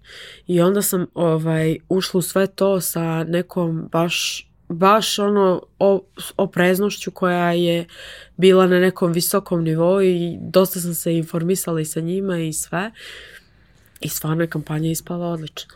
Jer uh, ona jeste pastelna, ona jeste slatka, ona jeste primamljiva, ali to je sve za oko. A kad je pročitaš nije ni, ni malo slatka, nego je Ko Fisherman's friend. Da. Malo je grča, što da, da. Ovaj, ali da, a, privuče pažnju. Znaš, u svetu u kome je jako teško privući pažnju bilo kome, privuče pažnju i uspe u kratkoj formi da iskomunicira poruku koja te natera da se malo zapitaš, razmišljaš neko vreme, ne spavaš i tako dalje, što mislim da nam je svima negde potrebno u, u ovoj situaciji. E sad, uh, ti si već dugo ilustratorka i dugo si prepoznata ilustratorka, mislim za naše uslove vrlo da. dugo i za naše uslove vrlo prepoznata. To je na nivou regiona, ne samo na nivou, da kažemo, Crne Gore, definitivno ne samo na nivou Crne Gore. Uh, šta je neki tvoj plan za dalje? Odnosno, šta bi ti volela za, za dalje? Jer evo iz ovoga svega što, što si ispričala, moj neki zaključak je konačno su stvari došle na svoje, slegle su se, udala si se, to, to smo videli e, u medijima, to, smo se videli. To je najvažnije. To je, pa ne znam koliko je važno, ali, ali eto, nije loše, pogreši čovek, mislim, sve okej. Okay. I žena pogreši u ovom konkretnom da, da. slučaju, da. dobro sad. ovaj, ali posložila si svoj život na način koji mislim da, da ti prija i vidim da ti prija, vidim po tome što radiš i po razgovoru i po svemu vidim koliko ti to prija. Uh, ali prosto ono, treba imati neku ideju, neki plan šta i kako dalje. Ja vidim da ti za, za sve imaš vremena osim za pauka Dušana, ja ne znam na šta to liči, kako, kako možeš tako. Ali dobro, ali dobro, neka, neka. Mogu ja i da stare ove listam i da čitam, nije meni teško. Ovaj, ali to, šta je, Šta je naredni korak? Pa naredni korak je da pročitam glasove na Euroviziji. je dobro, to, to svakako. Je, to, svakako. to mi je jedan od koraka. E, ja ne volim, e, mislim ja planiram i, i maštam i sanjarim i sve to ovaj, o budućnosti i kako bih ja voljela da ona izgleda, ali ne volim da se nekako utopim u to i, i da jurcam ka tom nekom cilju, onako i da zaboravim da živim u, u sad, jer ja sad mogu da padnem svoje stolice, slovim vrat i to je to. Jel? I onda nekako ja imam kao neke planove, ali ono, idem ja ka njima, ali ne jurcam i zaboravljam da, da budem u ovom momentu sada tu i da se zabavim i da pođem na tu kafu i da dam pare na skate i slično ili ploče, a ne da ih štekam za crne dane i ono, mislim, sve sa nekim razumnim ovaj, pristupom. Isto tako i za ilustraciju. Ja recimo do preprošle godine sam imala 50.000 followera i to je tako sporo napredovalo. Ono u smislu ja sam dobijala po 5.000 godišnje i, ovaj, i u tom momentu sam ja imala fazon Instagram 7 godina i 50.000 followera. I onda sam za 3 mjeseca imala 120.000 followera zbog horoskopa koji ja ni ne znam. ono, bukvalno sam napravila no, te template. Ne znaju ni oni koji se bave tim. Sad to, neću da ulazim u to, ali ovaj, ja sam napravila to iz čistog zezanja, zato što sam ja negdje kao znala kao kako se tipično znakovi ponašaju iz, nek, iz nekog narativa koji se nama ovaj servirao kroz internet već neko vrijeme jer je postalo popularno I ja sam kao to znala i ja sam krenula da, da se zezam na taj račun i kao ajde da napravim template pa kao da popunjavamo svi koji imamo znakove. I ja napravim tipa tri template i ljudi me urnišu kao gdje su ostali, hoće da me biju. A, ok, evo vam svi templati. I sve sam odjednom stavila i ja sam gledala na moje oči kako to raste tipa za 100 followera, za 200, ono, iz minuta u minut i nisam mogla da vjerujem. Jer to je ja se bavim ono nekim i ozbiljnijim stvarima i ono kao to nema taj domet koji, koji je imao taj horoskop i generalno ti leksikoni. Meni je to bilo onako ne, nevjerovatno. I kao ja ništa nisam htjela sa tim, ja sam samo htjela da, da imam ono, da, da sam kao popunila i kao dobar conversation starter sa mojim drugarima koji kad vide da ja sam tamo prikrižila da ne volim palačinke sa nutelom, nego sa kremićem, ono kao, tu se malo mi isprepiremo i slično i onda vidim kod tog istog druga koji me cimao za to kako je on isto ovaj, prikriže kremiće, stavio nutelo i slično i meni je to bilo I vidiš zabavno. da ne, jednostavno ne možete. Ne, Jednostavno ne, možete. možemo, to je to. Batalili smo svu priču.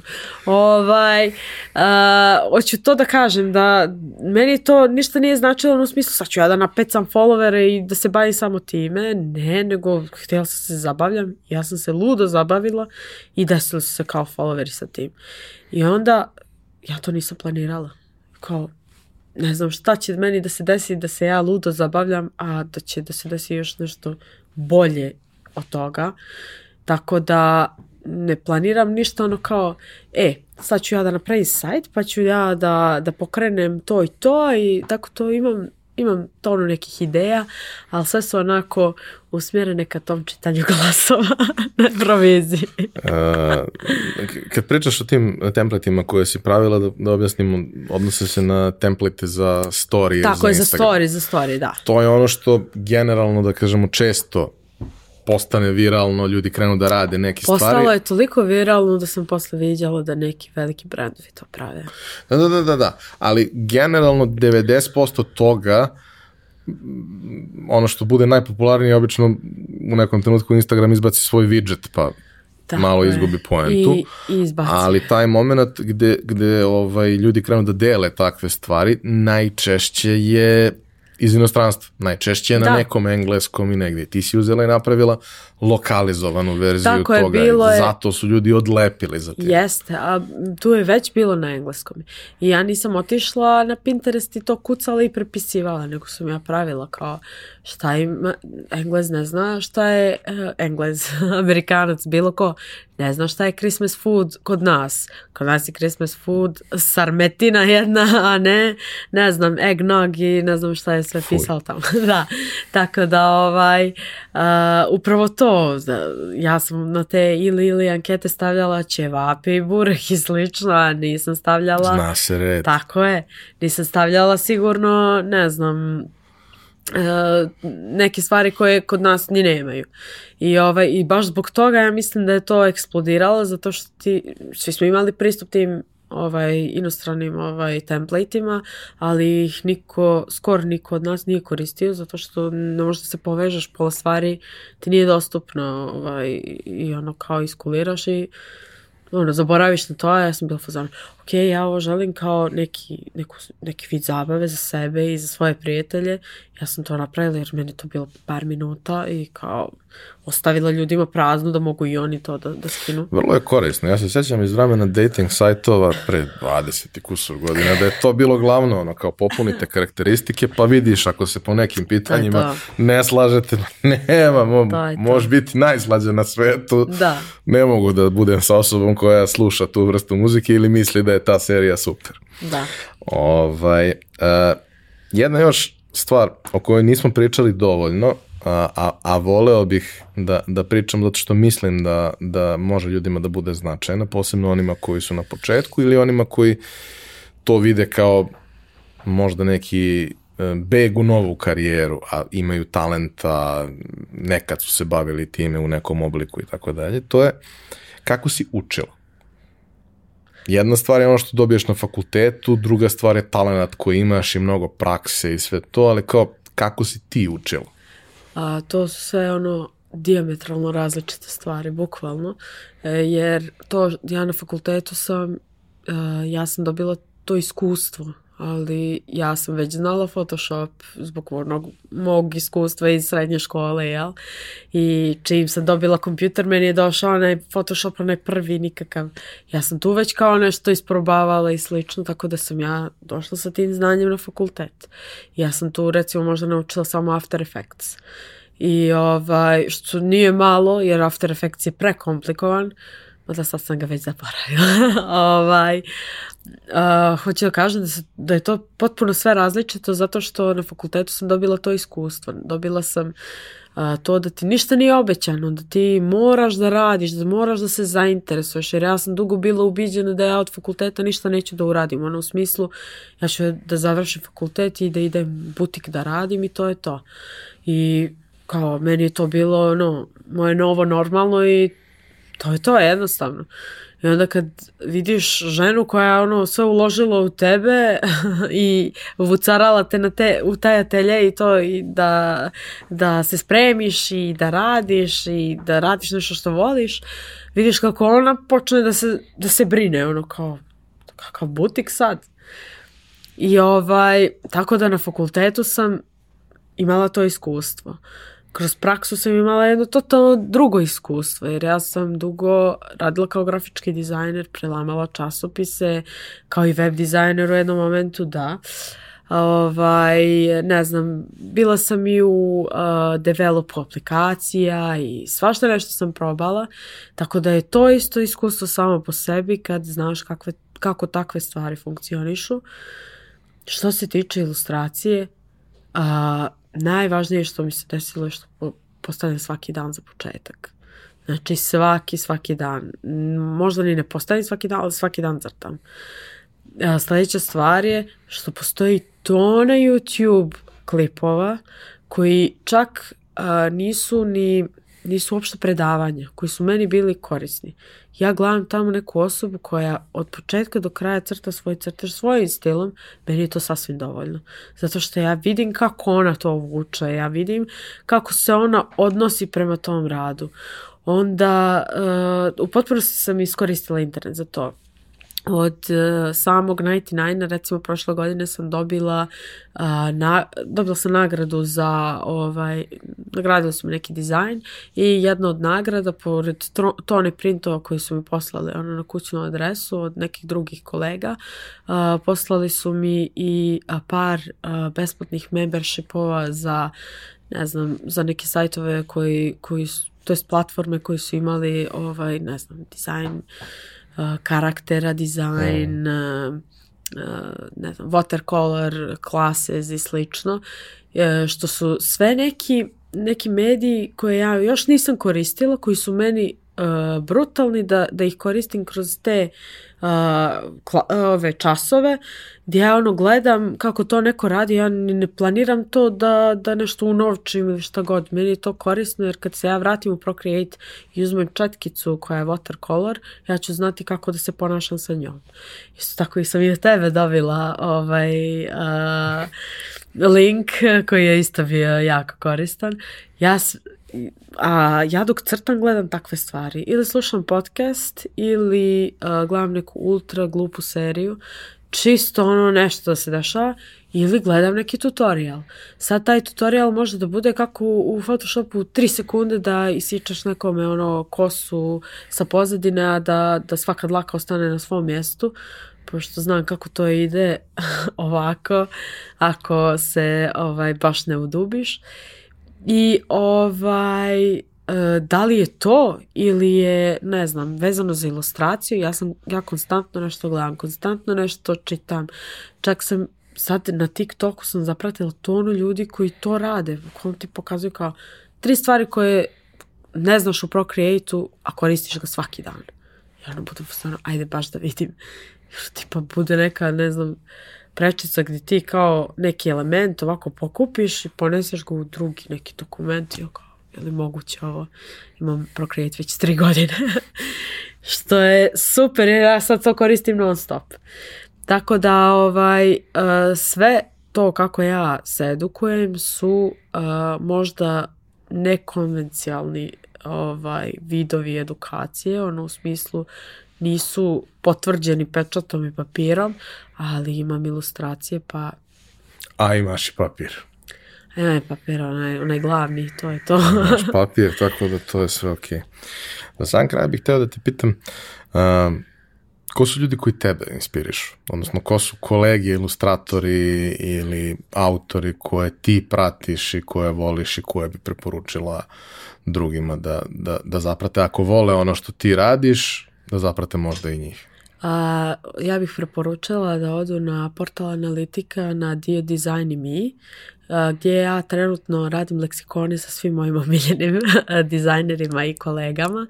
Čak ih ima i koji su fotografi, i koji se bave animacijom i ne znam vajarstvom, svašta nešto ima tu.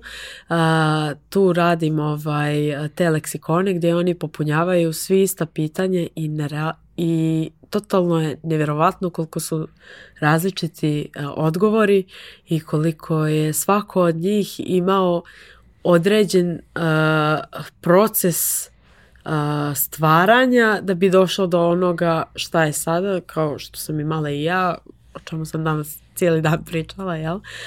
I, ovaj, I onda je jako, jako korisno kad vidiš kod nekog drugog kako može i drugačije. I onda, ne znam, kad pročitam neke od tih leksikona, budem u zonu, u, pa mogu i ovo da probam.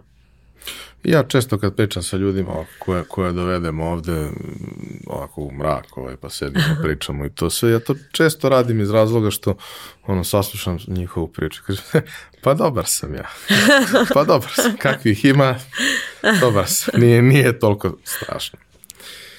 Hvala ti što si bila što si podelila neke od ovih stvari. Ja, mislim, smešno je da ja pozovem ljude da prate tebe kad tebe prati sto puta više ljudi nego nas, ali mislim da ono, uh, poruke koje šalješ su jako važne, a dovoljno pitke da svakome skrenu pažnju u, u, u nekom danu u kome ne razmišljaš ni o čemu, a manje više svaki dan nam je takav zbog posla, stresa i svega, nekad je važno da nam neko skrene pažnju na neke važne stvari kojima se ne bavimo dovoljno. Tako da, ovaj, osim te zabavne uloge i e, osim svega sjajnog, interesantnog, veselog, zabavnog i pastelnog što praviš, mislim da zapravo je glavna stvar razlika koju praviš u društvu koja je veoma, veoma velika i koja je u principu ništa manje važna od, od, od toga da uh,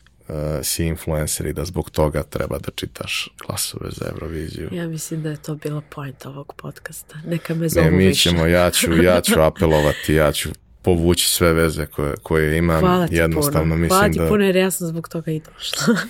Jasno mi je, to već godinama traje, ja pratim, pokušavam. Deset godina, bilo je, deset godina već. Bilo i onih peticija i to sve, ja Da. stvarno ne znam zašto ljudi ne... Ali, Nadat ću se najboljem i hvala ti što si me zvao. To sam Znaš, sad si, se, sad si se i udala, sad si poštena žena, sa ja mislim da je krajnje vreme, ako, Kat, ako, kat. ako ne sad, onda, onda kad. Hvala još jednom. hvala te.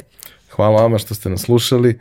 Kao i do sad, sve predloge, sugestije, pitanja ostavite u, za to predviđenim mestima na društvenim mrežama i ovaj, u komentarima na, na YouTube-u. Uh, još jednom hvala što, što ste slušali, nadam se da vam je bilo zanimljivo. Ovaj, uh, vidimo se ponovo i čujemo sledeće nedelje.